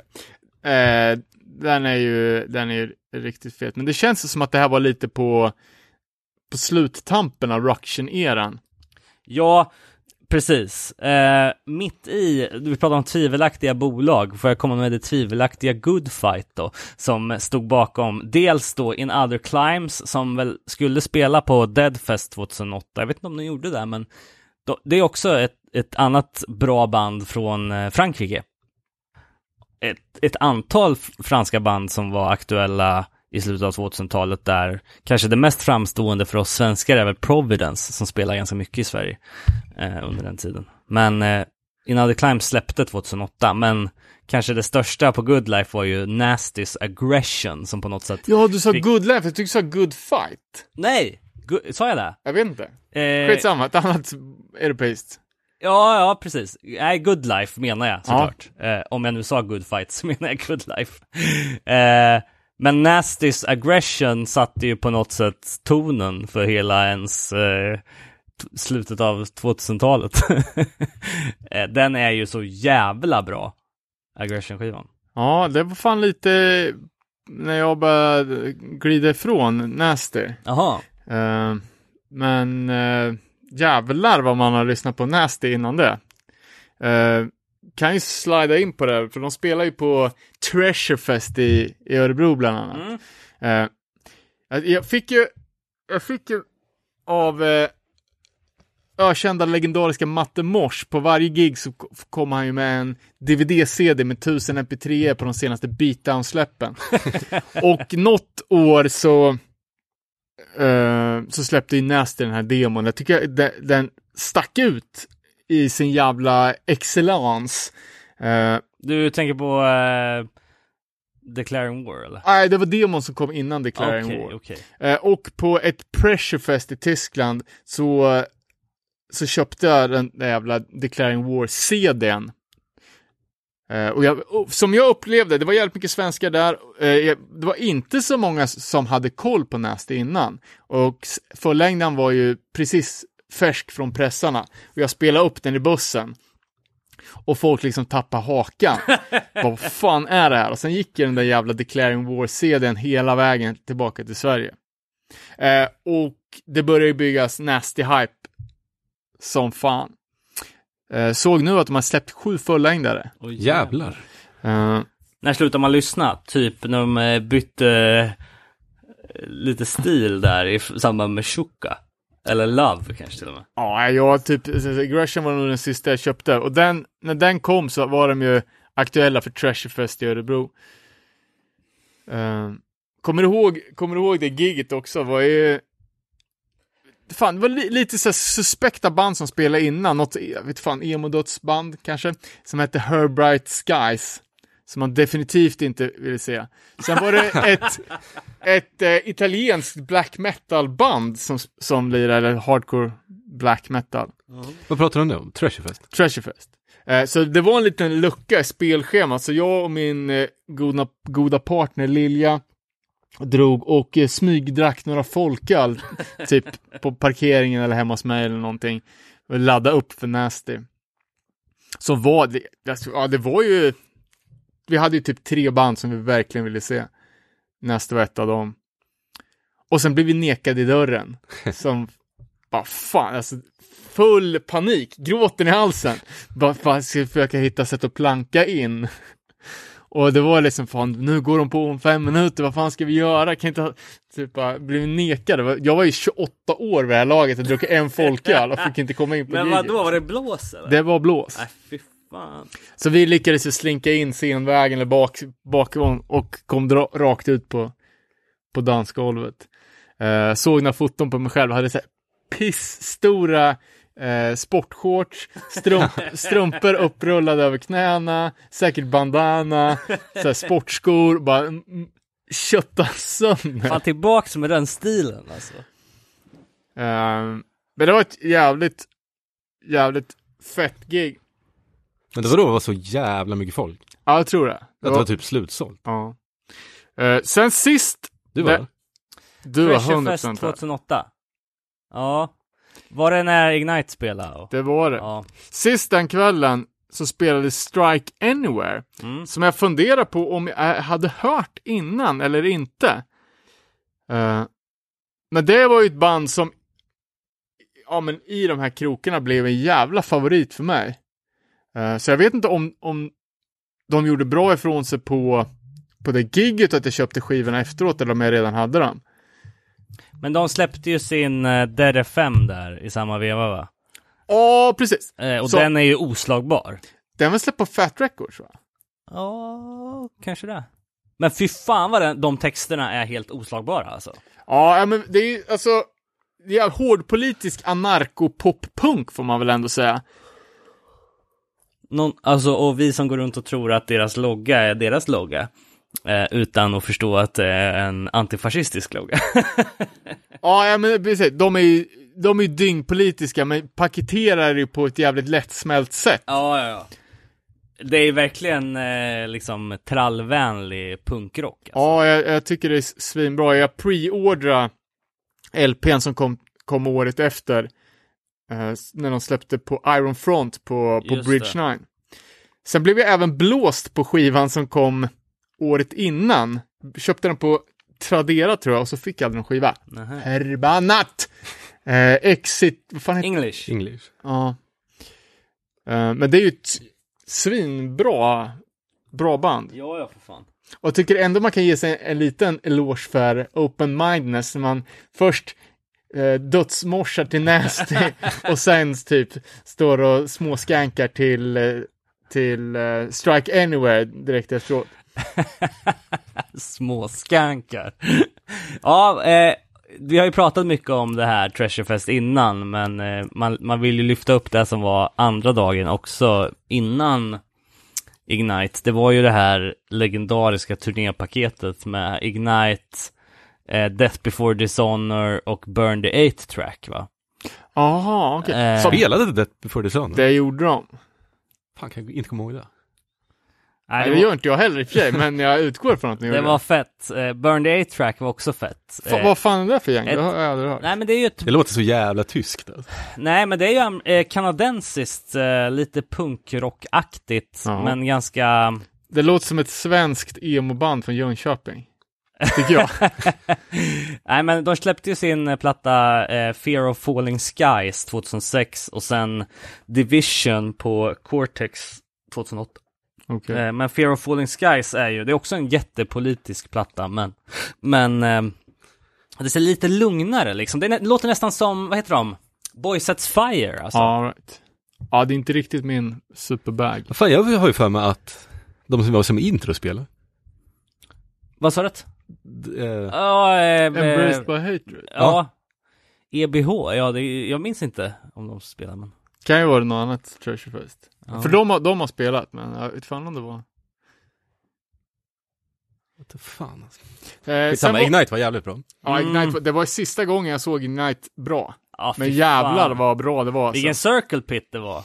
Ja, men det var perfekt. Alltså när det kan vara sådär mycket folk som man kan diva på riktigt. Ja, Och så Ignite, världens mest singalong-vänliga band. De spelar fortfarande bra låtar. Ja, det var, det var magiskt. Eh, Jag var, visst lackade han på att folk sprang ut i publiken? Uh, Headwalker? Ja, Det vet jag inte. Ja, och typ hade någon rant om det här på scenen. säkert. Typ bara... Nej, jag kommer inte Han ihåg. har fått nys på att någon hade röstat socialdemokratiskt och bara skälla ut dem. eh, sen jag frågade också Skogis som, eh, som bokade jävligt mycket gigs i Örebro under den här perioden. Lite om vad han hade satt upp. Eh, bara som kommentar på, på Treasurefest så sa han att det var kul att jag flög in Architects från England och lät dem spela i 30 minuter. eh, Architect blev ju svinstora sen. Ja. Eh, och innan Architect spelade ju Dead Reprise. Eh, var ju fan Sveriges bästa band vid det här laget, tycker jag att det var magiskt. Hade ju äran att få haka på där på bas nå- något år senare. Eh, och du och jag David spelade ju med Hands Down vid, vid den här tiden. Inte Tillsammans. på Treasure? Nej, ehm, Säkert.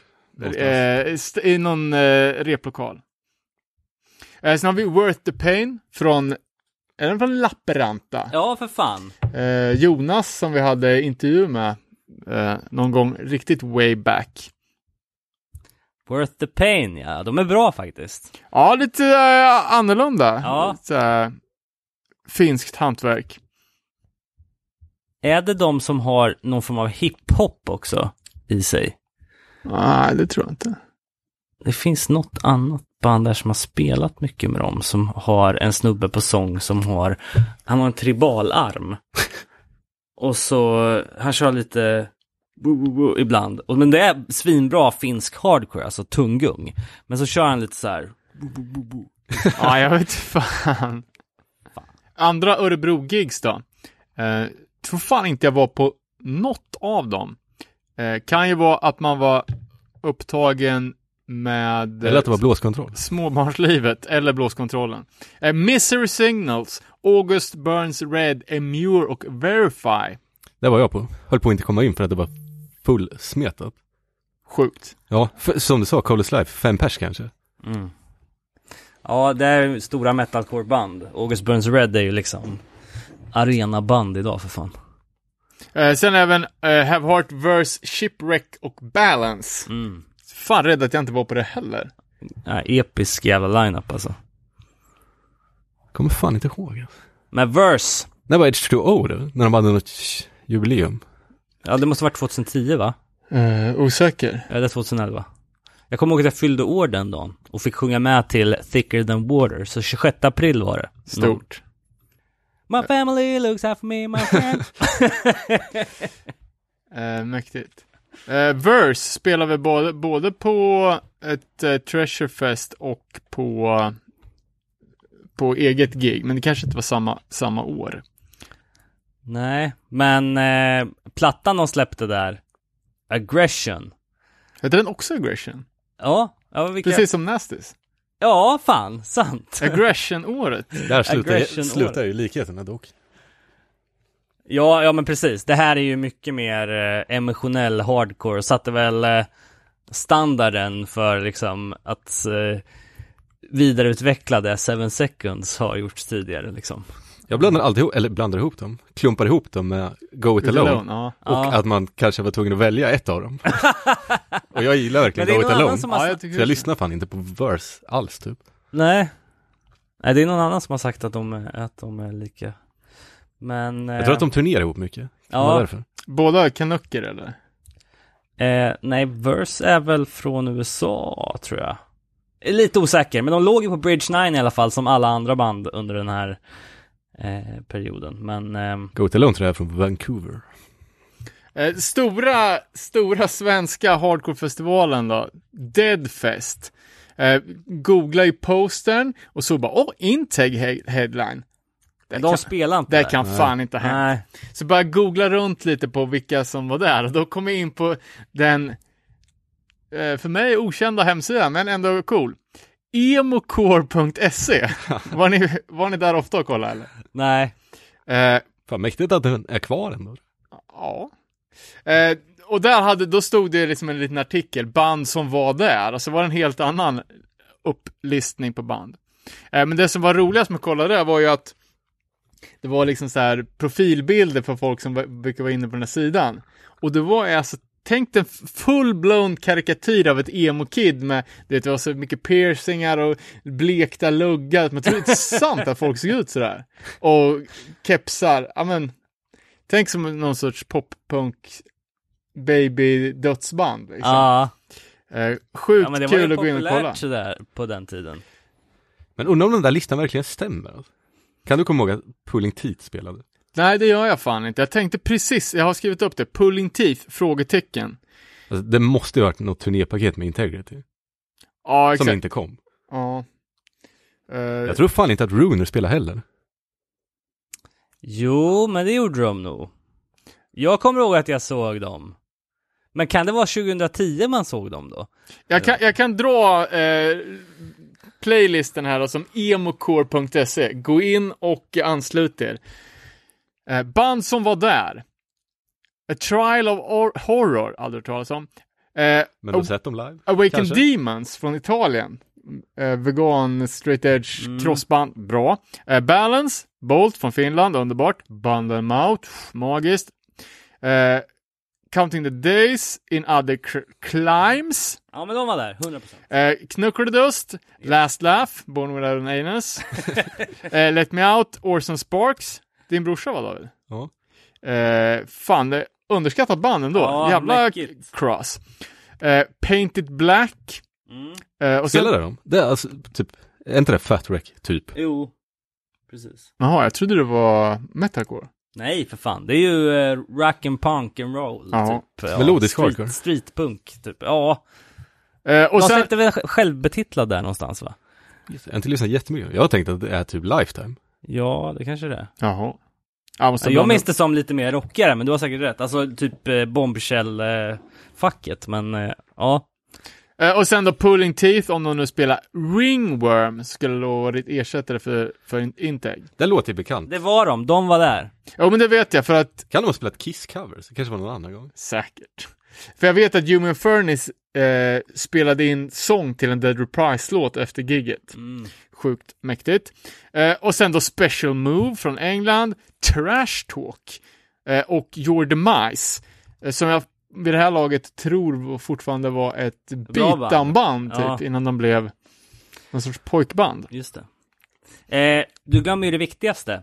Honor Among Thieves. Står inte med. Nej, men de spelar. Okej. Eh, och de är ju för jävla bra. De la ju ner kort efteråt. Men där har du ju eh, American Nightmare-influerad hardcore från... Jag gillade också den. England. Men var det inte någon sån Die Hard temaskiva? Det kanske bara hette någonting som hade med Die Hard att göra. Och det var samplat.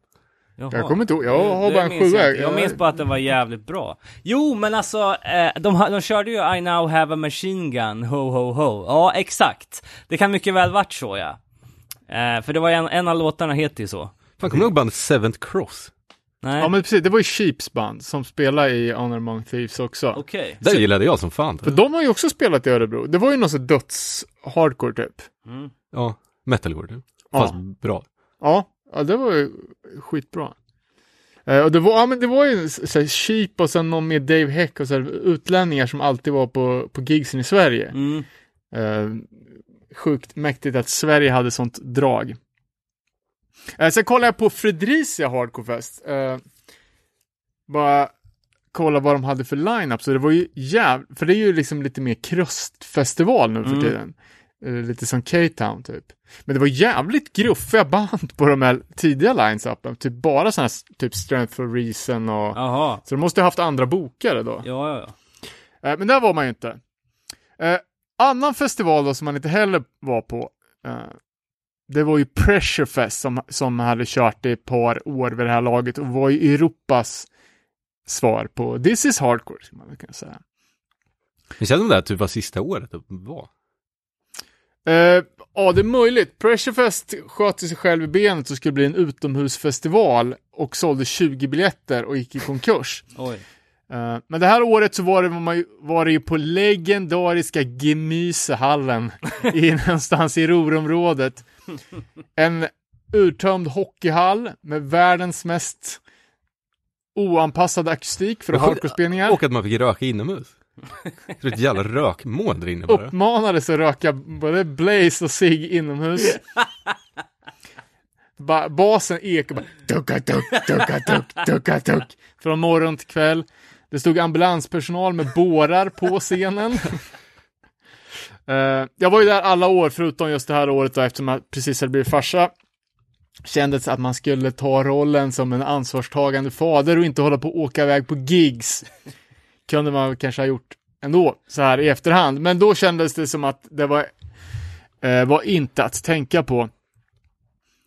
Eh, bara som en liten reflektion då på, på banden som spelar, tycker jag att det var jävligt många band som spelar förvånansvärt tidigt. Eh, och det måste ju tyda på att de var i sin linda. Eh, till exempel då, näst först, eh, Trapped Under Ice. Näst först, dagen efter, Mongoloids, som man trodde var Jag var på det här för jag kommer ihåg att jag såg Mongoloids. Det här De måste varit sett. första Ja. året de spelade. Eh, lyssnade du på dem då? På vägen ner, då kom jag ihåg att någon spelade första gången. Känns som att det var jävligt hypat i Linköping. Kan varit någon från Linköping som gjorde det. Garanterat. Jag tänkte att det var lite pajigt, PGA-namnet. Ja. Nej, men eh, det var ju svinbra.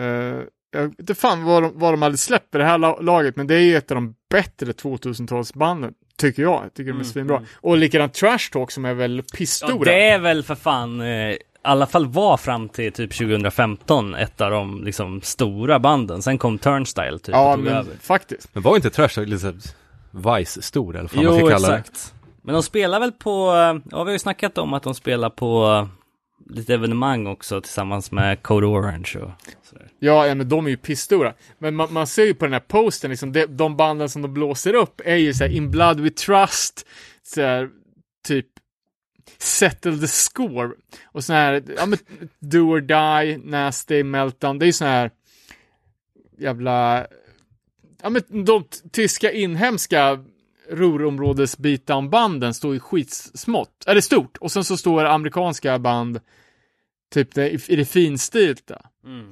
Eh, Men det här var väl säkert under den eran, liksom filled with hate-eran.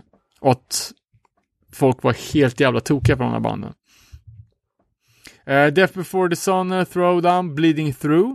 Jävlar. Kändes det fan som de borde ha lagt ner vid det här laget. Eh, och sen då, eh, Tysklands nationalband, Shattered Round. Eh, Jaha, med original singer Chris. Det har jag fan också sett. Jaha. Jag är lite osäker på om, om de ens faktiskt spelade. Ja, de kanske ställde in och kom året efter då. Eller, och, och världens bästa band, Death Threat. Eh, och lite annat. Vad Har du några minnen från festivalen då? Nej, jag har inte det. Jag- Alltså alla de här åren, jag kanske var åtta år i rad. Allting flyter bara ihop. Tältar du jämt? Eller bo- när bodde du på hotell på Jag slutet? bodde fan på hotell på slutet tror jag. Då var man ju vuxen. Det måste ju vara en av de ren, o, en av de få renodlade hardcore-festivalerna där det är tält. För det är inte så vanligt. Men det var typ inget tältområde. Nähä. Jag tältade i någon skog någon gång. Typ. Ja men det var ju, ja men precis, det var ju ett badhus, den där jävla hockeyhallen och sen var det väl lite parkområde. Men var det så att ni, ni var liksom, ni hade inte råd med hotell, så ni tältade liksom? Ja men det var i början. I början var det så. Jag och Matte Mors tältade det var den inte så att ni var själva att göra det här liksom? Det var inte så många som gjorde det. Det kanske fanns någon tältplats. Jag och Matte Mors täl- tältade under någon gran typ. jag. Ja, det gjorde Ja. jag också. Jag som aldrig har varit där har ju alltid fått intrycket av att det var som på bullret liksom, att det var ett destinerat tältområde. Nej. Men, nej, nej. men det här var mer liksom, eh, Nej, det var ingen, ingen sån Camping. camping. Det är inte jag bodde i alla fall. nej nej. men hur tänkte ni då? Alltså det är ju Fuck kul. it. Ja. Eh, nej, men det var i, i, inga Man kunde konstigheter. köpa slush mitt vodka för en euro. Det kan man stå var fan som helst. Eh, ja, nej, men det var ju jävligt stä- alltså det, det är skillnad på att vara en typ på en renodlad hardcore-festival och en hardcore slash punk-festival. För att det blir så jävla mycket mer städat när hälften av publiken är nykter. Så det blir inte riktigt det, eller ja, uppenbarligen då bara hälften av, besökarna som är dyng och det blir liksom buller-style av, av det hela. Men folk är där för att se band, inte för att supa. Ja, men framförallt, framförallt är det ju det, absolut. Nej, men precis. Att folk är där för musiken och inte för festen. Nej. Men jag är ändå eh, förvånad att, i och för sig, man var väl yngre och mer viril på den tiden, men nu för tiden känns det som att det finns ingen europeisk hardcore-festival, förutom kanske Fluff då, som är campinginriktad. Jag har aldrig varit på det, men eh, det är väl lite med krust. Ja, ja, exakt. Vilket exakt. känns campingkompatibelt. Ja, alright. Ja, nej, fan eh, osäker. Men det är klart att det, att det finns campingar på de flesta. Eh, men det var länge sedan man hade det som prio i alla fall. Eh, men eh, jag, jag var inte iväg på, på någon festival, men jag var ju faktiskt på en tour det här, det här året. Eh, jag tänkte bara skulle eh, dra några snabba eh, turnéminnen från mitt jobb som tour manager för det amerikanska Bones-teamet Ja. eh, på en vecka i Sverige. Eh, och det här var ju på den tiden eh, det, när det gick att sälja så mycket skateboardhjul så att det gick att finansiera att ta hit sju amerikaner för att göra uppvisningar i Sverige Jäklar. eller filma trick. Eh, med på den här turnén då var eh, Chad Barty, ganska legendarisk australiensisk skateboardåkare. Young and upcoming David Gravett, en liten gnarly eh, weedsmokande bowlskatare framförallt, men som också var grym på att skata äckliga handrails. Eh, en kille som hette Aaron Homoki, kallad Jaws, eh, var blott 18 år vid det här laget och eh, eh var väl eh, up and coming kan man säga som den galnaste jävla skataren. Han blev ju världskänd sen när han var först med att hålla eh, 25-stegstrappa i Lyon, Frankrike. Och är ju superkänd nu. Då, då var han ju ung och okysst. Eh, en snubbe som heter Adam Diet, eh, brölig hårdrocksskater som, som var ganska känd inom, han körde X-Games och var ganska, ja men ganska bra i tävlingsscenen. Eh, kommer ihåg han var på, på X-Games och eh, väckte lite ögonhöj när han rökte på eh, under åken genom att ta av sig kepsen och, och röka blaze inne i mössan under åket. Eh, och på den här tiden så var det ju dyngförbjudet att röka gräs i Kalifornien. Ja. Men han körde det. Eh, och han sa ju sen att han, eh, hans supermove var ju att när han, när han rökte spliff så såg han allting i slow motion. Så det blev så Ah. mycket lättare för honom att göra trick eftersom Ah. brädan snurrar så långsamt. Eh, så han rökte ju fet varje, innan varje trick typ när han skulle göra något äckligt. Hur lång var det blev hans karriär? Han har, håller nog på fortfarande. Nej, fan. Eh, och Kanske inte på den nivån, men Eh, och med, med i bussen så hade vi en, en kille som heter Jared Lucas som var filmare och sen en som heter Chris Ortiz. Eh, ganska legendarisk skateboardfotograf som skulle göra ett turnéreportage till Transworld Skateboard Magazine. Och du var själv svensk eller?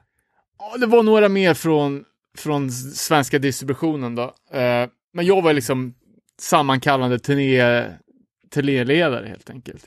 Eh, och vi åkte runt och besökte lite skateparker och framförallt var ju deras mission var ju att eh, göra ett reportage till Transworld. Eh, så vi åkte runt och, och, och härjade och det var sjukt kul att se. Det här var den första gången jag åkte med amerikanska proffs, se liksom vad de kan göra på, på de lokala spotsen.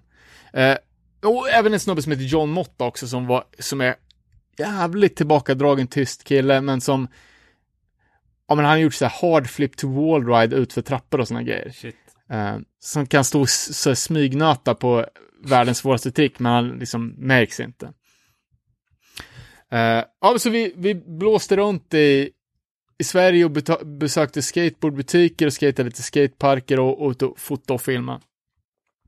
Eh, vi hade någon så här företags minibuss som vi blåste runt i och gjorde en, någon typ av uppvisning i Björns trädgård, du vet. Skatebowlerna utanför 44 där i Stockholm. Eh, körde upp på trottoaren utanför för, för bowlerna, skejtade där hela dagen och det var ett allmänt bra drag. Liksom. Eh, och till den här bussen så var det så här, automatiskt öppnade dörrar. Så man tryckte på, tryckte på knappen så öppnades dörren. Ja, ja. Eh, så vi var där och skejtade hela dagen och folk liksom öppnade, öppnade och stängde dörrar.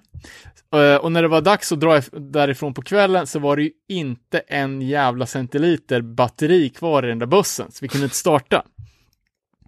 Eh, och det här var en helgdag, kanske typ en fredag vid åtta på kvällen. Och det är ju en liten så här sunkhakskrograka där med lite olika barer, så folk började stå, liksom, stå och kö och röka utanför och det var folk liksom eh, och våran buss stod ju liksom mitt på trottoaren i centrala Stockholm. Liksom. Och vi kan absolut inte starta den.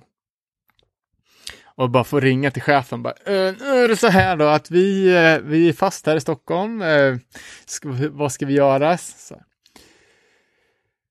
Eh, så det slutar med då att vi får ta en taxi, taxi från Stockholm till Örebro. Oj! Jävlar. 4 000 spänn senare. Oj jävlar. Eh, och att det fick komma någon bärgare och hämta upp bussen. Liksom. Ja. Eh, så jag försöker få in och samla ihop alla, alla de där jävla bröliga eh, amerikanerna och få in dem i, i, i taxi för att åka vidare mot Örebro då. Eh, och säger Adam Diet, så här, precis när vi har satt oss i taxibilen ska jag åka hem bara. Jaha, ah fan, jag har precis tagit LSD. Så, så sen satt jag han och höll låda där inför en så här skräckslagen taxichaufför tillbaka till Örebro. Det var, Fantastiskt. ja, det var, Hur, länge, hur länge var ni ute? jag tror vi körde en vecka. Okej. Ja, det är ju helt sjukt alltså. Eh, det, ni sov i bussen då också? Nej, fan, vi hade hotell, så Ja. det var uppstyrt. Och så var vi, de bodde på hotell Skomakaren i Örebro flera dagar. Jaha. Eh, Adam Diet eh, hade dragit ut på morgonen och eh, köpte en fiskeutrustning på fiskaffären som låg tvärt emot och åkte upp till Kilsbergen. Så han var försvunnen för att vara ute och fiska. Shit. Sen kom han tillbaka typ med någon jävla gös som han hade fått upp. Som han, alltså så jävla oblygt amerikanskt, knallade in till sushi-restaurangen bredvid och frågade om han fick gå in och låna deras kök för att filea upp sin fisk. Och de bara, 100% inga att de fick det. Nej, Han, han, han, till slut gjorde han det i hotellköket. uh, Chad Bart kom och bröt tummen på en spot och åkte in och fick gipsa det. Jag var helt chockad över att det var gratis sjukvård till och med för en turist liksom. Mm. Eh, Jag har också gjort lite sådana grejer. Det är ju, jag skulle hellre göra det med ett krustband än vuxna skateproffs. Fucking kaos det blir det. Ja, ja, det är ju li- lite, lite, lite lätt kaotiskt och man har ju ett stress, stresspåslag liksom, ska liksom valla den här flocken av jävla vandrande galningar. Du Alltså. kan garva åt det nu, men det var kanske inte så kul då. Nej, det, det, var, det var ju såklart jävligt, jävligt kul och coolt, men det är stressigt alltså. Mm. Försöka tyg, tygla bästarna. Eh, Ja, spännande. Ja, så, så, det har varit lite arbetsrelaterade resor, men inte så mycket festivalgigs den här sommaren. Um, ska vi gå in på några andra här, klassiska fullängder från det här året då? Ja, Eh, min personliga favorit, måste jag ändå säga, en av de bästa plattorna från 2000-talet. Wilkes Bear, Pennsylvania, Cold World släpper ju sin platta For Babies Who Came Feet First. Uh, som hade föranletts av en, en singel, Boom Boom, Boom Bye Bye, som kom uh, året innan. Jävligt stilbrytande band som blandar hiphop med hardcore. ja. På ett jävligt oheligt sätt, tycker jag. Precis, och vad fan, eh, något, eh, är det något bolag som man verkligen kan associera med 2008 så är det ju Death Wish. Absolut, och det här måste ju- det här tycker jag personligen är en platta som sticker ut jävligt Ja, mycket i ja, ja. Death Wish-katalogen. Verkligen. Men det är ju Jag så... jag var väl fan lite, lite besviken på den här. Ja. Första sjuan är så jävla bra. Fan, jag hade aldrig den. Jag var lite sen på, på, på bollen. Eh, Men det var ju en otrolig, de hade ju släppt en CDR-demo, men framförallt då debutsjuan Iced Grills, som, eh, som kom på hypebolaget Locking Out. Just det. Eh, Och då var det ju liksom, ja, det vart ju en lavin i hardcore-världen för det här bandet.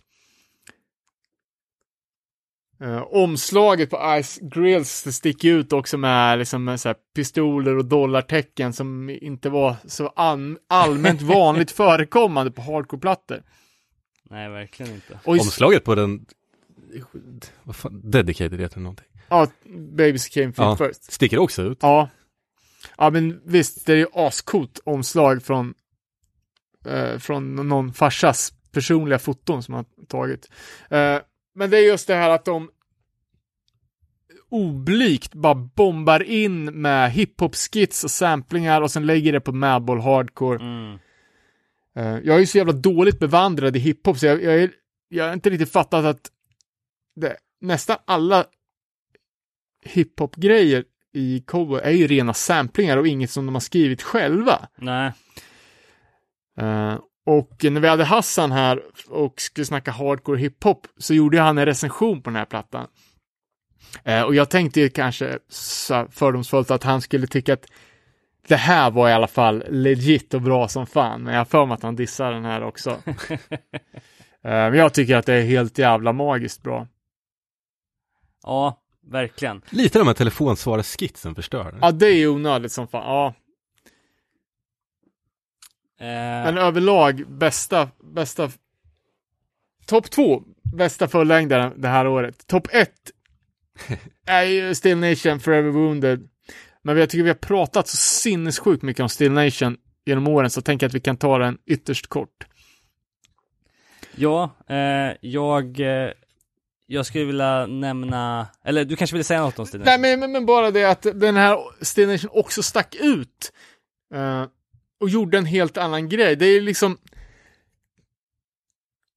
Ja men tj- tjocka, skäggiga flanellskjorts skogshuggargubbar som sjunger typ nästan i stämmer Ja, om, eh, om, om depressioner och lite hjärta och smärta. Eh, precis. Så, här. Med jävligt cleana riff och tunga partier. Ja visst! Så det var liksom stenhårt fast ändå lite emo på något sätt. ja exakt. Um, fantastiskt. Forever Wounded är ju svinbra. Vi pratade, jag vet inte, vi pratade lite om Down to Nothing innan. Revelation, de hade ju bara två släpp det här året, sjukt anonymt. De hade ju en Down to Nothing compilation som de kom ut med. ehm, som, som var jävligt bra. Men också den här, eh, det var inte Revelation, men det var något annat bolag som släppte splitten med 50 Lions. Just det. ehm, som kom där, som, som var jävligt bra. Eh, Ja, ja, ja, exakt. eh, och sen så, eh, Och 50 Lions spelar ju också på 44 Det är Säkert det året. ja, Och precis. de spelar på, på Pressurefest. Typ öppnade någon dag. Och eh, för att fortsätta på det här spåret, band som spelar i Sverige. Ett band som släppte en jävligt bra pl- platta det här året, det är ju Cruel Hand. Ah, Prying kul. Ja. Eyes kom ju ut då. Eh, och det blev ju verkligen en, eh, en hit i Sverige. Och de återvände väl varenda år fram till 2012 typ. All right. Ja, jag tycker eh, det här är ju, den och sjuan som kom, kom samma år, det är väl bara någon, det är ju låtar från förlängden, men det är ju deras bästa. Jag tror Ja, att eh, Cruel Hand blev jävligt mycket större efteråt. Ja, Men just den här har jag, det är den som sticker ut i deras katalog för mig. jag tycker också det. Och det är ju alltså, man får ju säga att det är ju ganska skamlös No Warning rip-off. Ja, ja, ja, men man älskar ju No Warning, så vad fan ja, ska man nej, men jag, göra? jag, har också den här som en av de bästa fullängderna från det här året. Eh, kan bara kas- kasta in lite andra grejer som också släppte på demo då, som skulle bli stort sen. Eh, nämnde ju Power Trip som blev liksom eh, gigantiska. Eh, men ett annat ba- band som, som kom, såg, segrade och försvann var ju Backtrack som släppte sin demo 2008. Just det. Eh, och det här var fan första gången jag... Är jag också bara rätt, no warning, snott rakt av. typ. Ja, Det var ju inget, inget nytt under solen förutom det faktum att det var Nuke Hardcore med nytt folk. Och det var fan inte vardagsmat på den här tiden. Det känns som att Hardcore i New York var typ obefintligt. Mm. Lite dödsryckningar från Danny Diablo-karaktärer kanske, Ja, men exakt. inga nya band. Eh, jag vet inte, jag tror, jag tror att de är eh, hemmahörande på Long Island, lite utanför New York City. Eh, men de rappade New York Hardcore stenhårt. Eh, och sen ett av startskotten till Long Island-scenen som, som är ju gigantisk. Jag vet att Incendiary släppte sin första samma ja, år också. Precis. Jag försöker tänka nu, men vad hette de? Eh...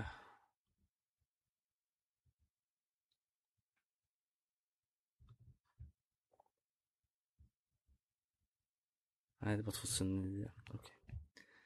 Och Harmsway som var ett av mina favorit, favorit, favoritband från den här eran dök ju upp på min radar då. Det var ju deras tredje sjua, de har släppt två innan. Eh, men också ett jävligt bra och eh, igen stilbrytande brytande band. Sen då, fan årets surprise, skivan som är bra fast man absolut inte tror att den är bra. Winnie Stigma Solo, New York Blood. Just det, vi lyssnade på den igår ju. Ja, ja, i playlisten. Ja. Ja, den är ju verkligen eh, musikvideon till den där... Eh, Ja, Blood Ja. titelspåret. Eh, sen att han skamlöst kör två Forced Reality covers, det är bara gött. Eh, ett annat band då, som, som gjorde sin första är också Cold Stare. mm. Eh, som är, det är Chula Vista Take Offense sidoprojekt som är mer åt oi-core-hållet. Som är, fan, ganska tidiga med att göra den grejen.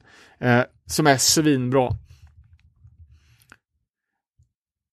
Uh, och sen avslutningsvis då, bästa CDR-demon det året. Woe of Hatred. Stenhård beatdown CDR-demo som fan en av de fan hårdaste demosarna ever. Vad eh, är de europe europeiska eller? Ja, det är amerikanskt. Jag har lite dålig koll på dem. Jo, men det är Pittsburgh för Ja, fan. såklart. Pittsburgh Beatdown. Och det här Ja. var ju en av de demosarna som inte dög med att bara ha på MP3 utan man var tvungen att leta i någon obskyr distro och fick beställa så man hade själva, själva CD-demon. Omslaget på, på demon är också fan legendary. Alltså. Boxningsmatch. Ja, Ali mot, eh, om det är Rumble in the Jungle eller vad det är. Eh, med George Foreman. Eh, ja, asfett. Eh, vi, vi ska ju inte, intet att förglömma att det var ett jävligt bra år för, för de tunga banden liksom, som vi har nämnt. Ehm, Ja, men bra spridning också. ja, Eller man, man kanske bara köpte de skivorna som, som, var, som var klassikerna, men när jag gjorde en liten skramling i skivsamling och tog fram alla pl- plattor som var släppta det året så är det ju typ bara grejer som håller tycker jag. En grej som jag köpte som jag inte spelar fortfarande, det är ju bandet At Half Mast. aha. Eh, det var ju jävligt random för eh, jag var på väg, kanske till jobbet, och ser ett gäng okända hardcore kids stå mitt på gatan. eh, faktiskt utanför det här hotell Skomakaren. Ja. Eh, jag tror att jag blir så förvånad så att jag bara stannar och bara pratar med dem. eh, och det visar sig vara det amerikanska eller kanadensiska bandet At Half Mast som är på Europaturné som ska spela B-salen på kvällen. Jaha. Jag har aldrig hört talas om det här bandet. Jag har aldrig hört talas om att det var någon gig heller. Eh, men jag snackade med dem och bara, ah, men klart jag kommer på giget ikväll. Uh, och så köper jag deras LP där på. Men det var en så jävla udda känsla, så jag bara, vad fan är det där? Man såg liksom bara så här, alltså folk som fattar grejen. Och det är det fan inte, det är inte så ofta man gör Nej, det. nej, Så verkligen. jag vart Och- liksom tvungen att hejda dem. Och också när det är hardcore i sammanhang som man inte förväntar sig. Precis. Då blir man ju alltid lika förvånad. Eh, det, eh, man måste säga att den roligaste låten från 2008 då, som vi skulle kunna avsluta podden med, eh, det är ju eh, vårat ständigt återkommande eh, garvobjekt, men som är ganska bra, Cold Hard Truth. De släppte ju sin första demo här och slutspåret på den, den demon heter ju Telephone Tough Guy. eh, det, det, det Är det pre-internet? Guy. ja, precis. Det är liksom, du kan inte eh, posta anonymt på, på nätet, utan det är via telefon här du ringer och hotar. Eh, Måste nästan söka på texten till den.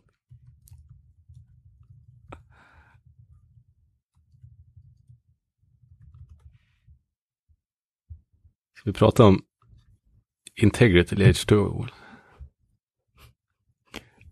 Eh, ja, starta någonting. Vad heter Integrity? Valpurgis? Ja. Okej, får jag läsa texten till den här låten eller? Uh, Now you fucking listen. There's too much to take. Got enough at stake out of time. Answering the phone. Gone too far. Too late bitch. Live another day. Why? You, so you think you're a tough guy? I will destroy. Taking a life. Pick up the line. Straight from the Bronx. You will never ever bring what you said. Pulling your half belief strings. You're a hypocrite now. Ja.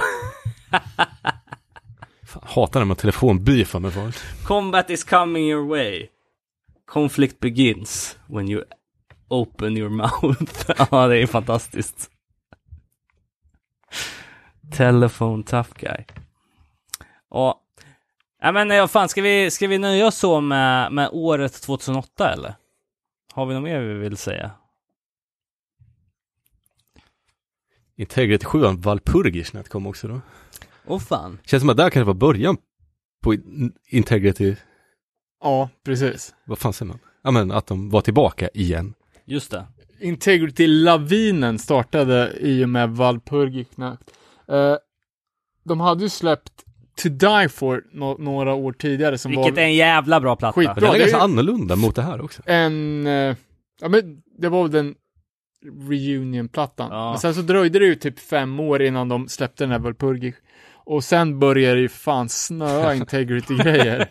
Var de redan, de var inte redan innan inne på eh, det här reissue-spåret och eh, liksom fem olika tusen varianter av varje skiva och sådär. Ja, det här är faktiskt den som finns i mest. Okej. Det här är fucking lunacy alltså. Okej. Eh, och den, den släpptes ju, första pressen eh, var ju med en medföljande voodoo-docka. Ah, ja just det. 29 versioner finns det. 100 ex på den. Var det så lite? Ja. Ja, fan den tror jag. Fett. Jag med, såklart. Har du gjort dockan eller? Nej, inte jag heller. Ja, jag har lite svårt att få tag på tuppblod bara, men jag ska halm tuppblod och sin fiendes hårstrå liksom. Just det. Dock ganska bra låtar. Ja, faktiskt. Ja, den är den är ju legit. Men eh, hur, eh, det, är det bara två spår på den här eller? Det är det. Just det. Mirror in reverse. Men var det, var det härifrån eh, han tog liksom, eh, hans dille på häxor och, och sånt började? Eller har den pågått under hela karriären? Ja, vi, vi kan vara i den här vevan han flyttat till Belgien och börja börja häxa loss. Ja, fota sig själv i svartvitt? fan lite dålig. Det har väl alltid varit lite, men här blir det ju extremt. Mm. Ja, Ja, fan. Vilket jävla år. ja verkligen. Även när Edge to Nothing to Prove kom då. Det Ja, behöver vi fan. fan inte prata om. Men den är bra. Den är bra. Jag tyckte den när den kom, det ska jag inte sticka under stol med. Jag vill aldrig lyssna på den nu. Men också jävla, eh, liksom, ett fuck you till allt som pågår, pågick just då. Och back to the roots, hardcore, pride. Ehm, Ja, mm, mm. kanske. Okej, Nej, jag tycker, Jag tycker att han för... Ja, skit. Vi behöver inte ens gå in. Skit i det. Det är fan sommar nu. okej, ja men innan vi avslutar dagens avsnitt då. Ska vi ha lite hetsjakt? Inte häxjakt då. Nej, hetsjakt blir det. Oh no. Fan, det här hade jag glömt. Ja, nej, men eh, vi, vi, eh, vi kommer vara lite mi- mildare mot er idag. Sist, ganska, ganska svårt. Eh, Men allt blir ju svårt när man ska dra det ur röven, det är det. Men, eh, Men, shoot. ja, den här gången återvänder vi till eh, de gamla goda eh, skivorna. Något som ni har pratat om väldigt mycket. Något som ni gillar att referera till att ni var såg live. Eh, vi pratar om Tiger Army och Ti- den självbetitlade plattan från 99. Ni har alltså 90 sekunder Vadå, vänta. på er. Vilken- Förklara hur den ser ut. Jag, jag vet inte vilken vilken- Tiger Army 1 med svart och röd. Ja, det, är den, eh, det är den plattan med en tiger på, helt enkelt. Fuck. ja men den, den svarta. En, rö, en gul och en svart. Ja. Yes. Eh, Tiger Army, ni gillar ju dem, ni har varit och sett dem mycket. Vi kör 90 sekunder från och med nu. Länge sedan jag lyssnade på den. Eh, Nocturnal. Stämmer. Eh, interlude. Prelude. Eh, Intron är alltid samma. ja, Eh, Stämmer. fan kan jag komma på den? Prelude Nightfall heter den ju, men ja, ni får rätt för det. Eh, oj, oj, oj, Det är oj, oj. 13 spår faktiskt, så ni har ju många, många Jag är så jävla osäker på vilka låtar som är på vilken. When the night comes down. på. Nej, Fan. fel. In the Orchard. Eh, fel. Santa Carla Twilight. Ja, den är senare. Fel. Fan, det är någon Misfits-cover där på slutet också, är det inte det? Ah, kul. Ghost Tigers Arise. Då. Nej, Fel. det är fel. Ja, det är, ni har alltså eh, tio låtar kvar här hur ni kan Åh, välja. fy fan vilken ångest. Elva till och med. Jag, jag, jag kan för lite om det. Ska jag ge er en då, så det blir lite lättare? Spår nummer nio, 20 Flight Rock. Jag tror att det är någon sorts jävla gammal rockabilly-cover. Ah, Okay. Ge mig en ledtråd då. Eh, Aldrig dö finns det en låt som Ja, heter. när vi dör. Ja, just det. Eh, ja, ni är ju 20 sekunder kvar här. Ja, det här var ju CP-svårt. där. Fan. Tiger Army, jag trodde det skulle bli lätt den här gången. Då har vi fem, fyra, tre, två, ett. Nej, det var kört. Läs upp några då. Ni tog Prelude, Prelude Nightfall. Ni, ni fick eh, två och en halv poäng för jag hjälpte er med den. Eh, Nocturnal, spår nummer två. Fog Surrounds, spår nummer tre. spår nummer fyra. True Romance, fan. spår nummer fem. Devil Girl, spår nummer sex. Never Die då, halv poäng. Spår nummer sju. Moonlight Dreams. Spår nummer åtta. Trance. Spår nummer nio. 20 Flight Rock. Spår nummer 10, Werecat. Spår nummer 11, Outlaw, Outlaw Heart. Fan, den på den också. Eh, spår nummer 12, Neo Bamboom. Och spår nummer 13, Last Night. Ja, det är svårt. Fan. det är svårt. Det är svårt. Iggy Psychobilly här. ja, nej, men eh, vi får helt enkelt ta något, eh, något som är lite mer på eran planhalva nästa gång. Eh, Ja, det är kul, man behöver inte lyckas jämt. Nej. Så man försöka. Eller hur? Ja, nej, Jag, men... jag tror jag har gjort lite mindre dåligt ifrån mig om det hade varit på eh, The Power of Moonlight, platta nummer två där. Ja, ja, ja. Eh, men, men, det var kul ändå. Ja. Vi, eh, innan vi avslutar med Cold Hard Truth då, eh, lyssna på våra sommarprat.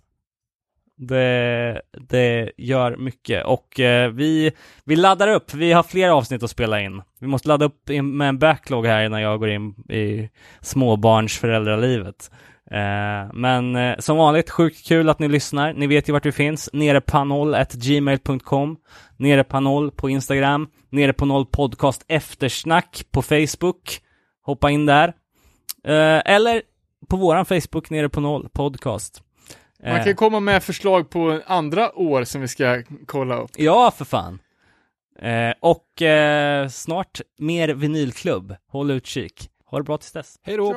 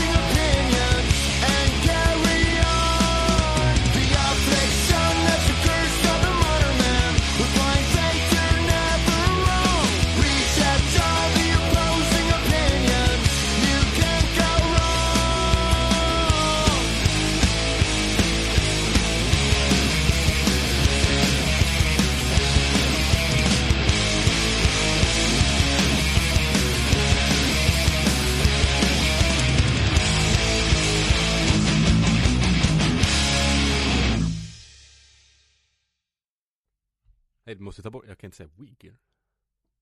Nej, inte det- kosher. Får inte säga det W-word.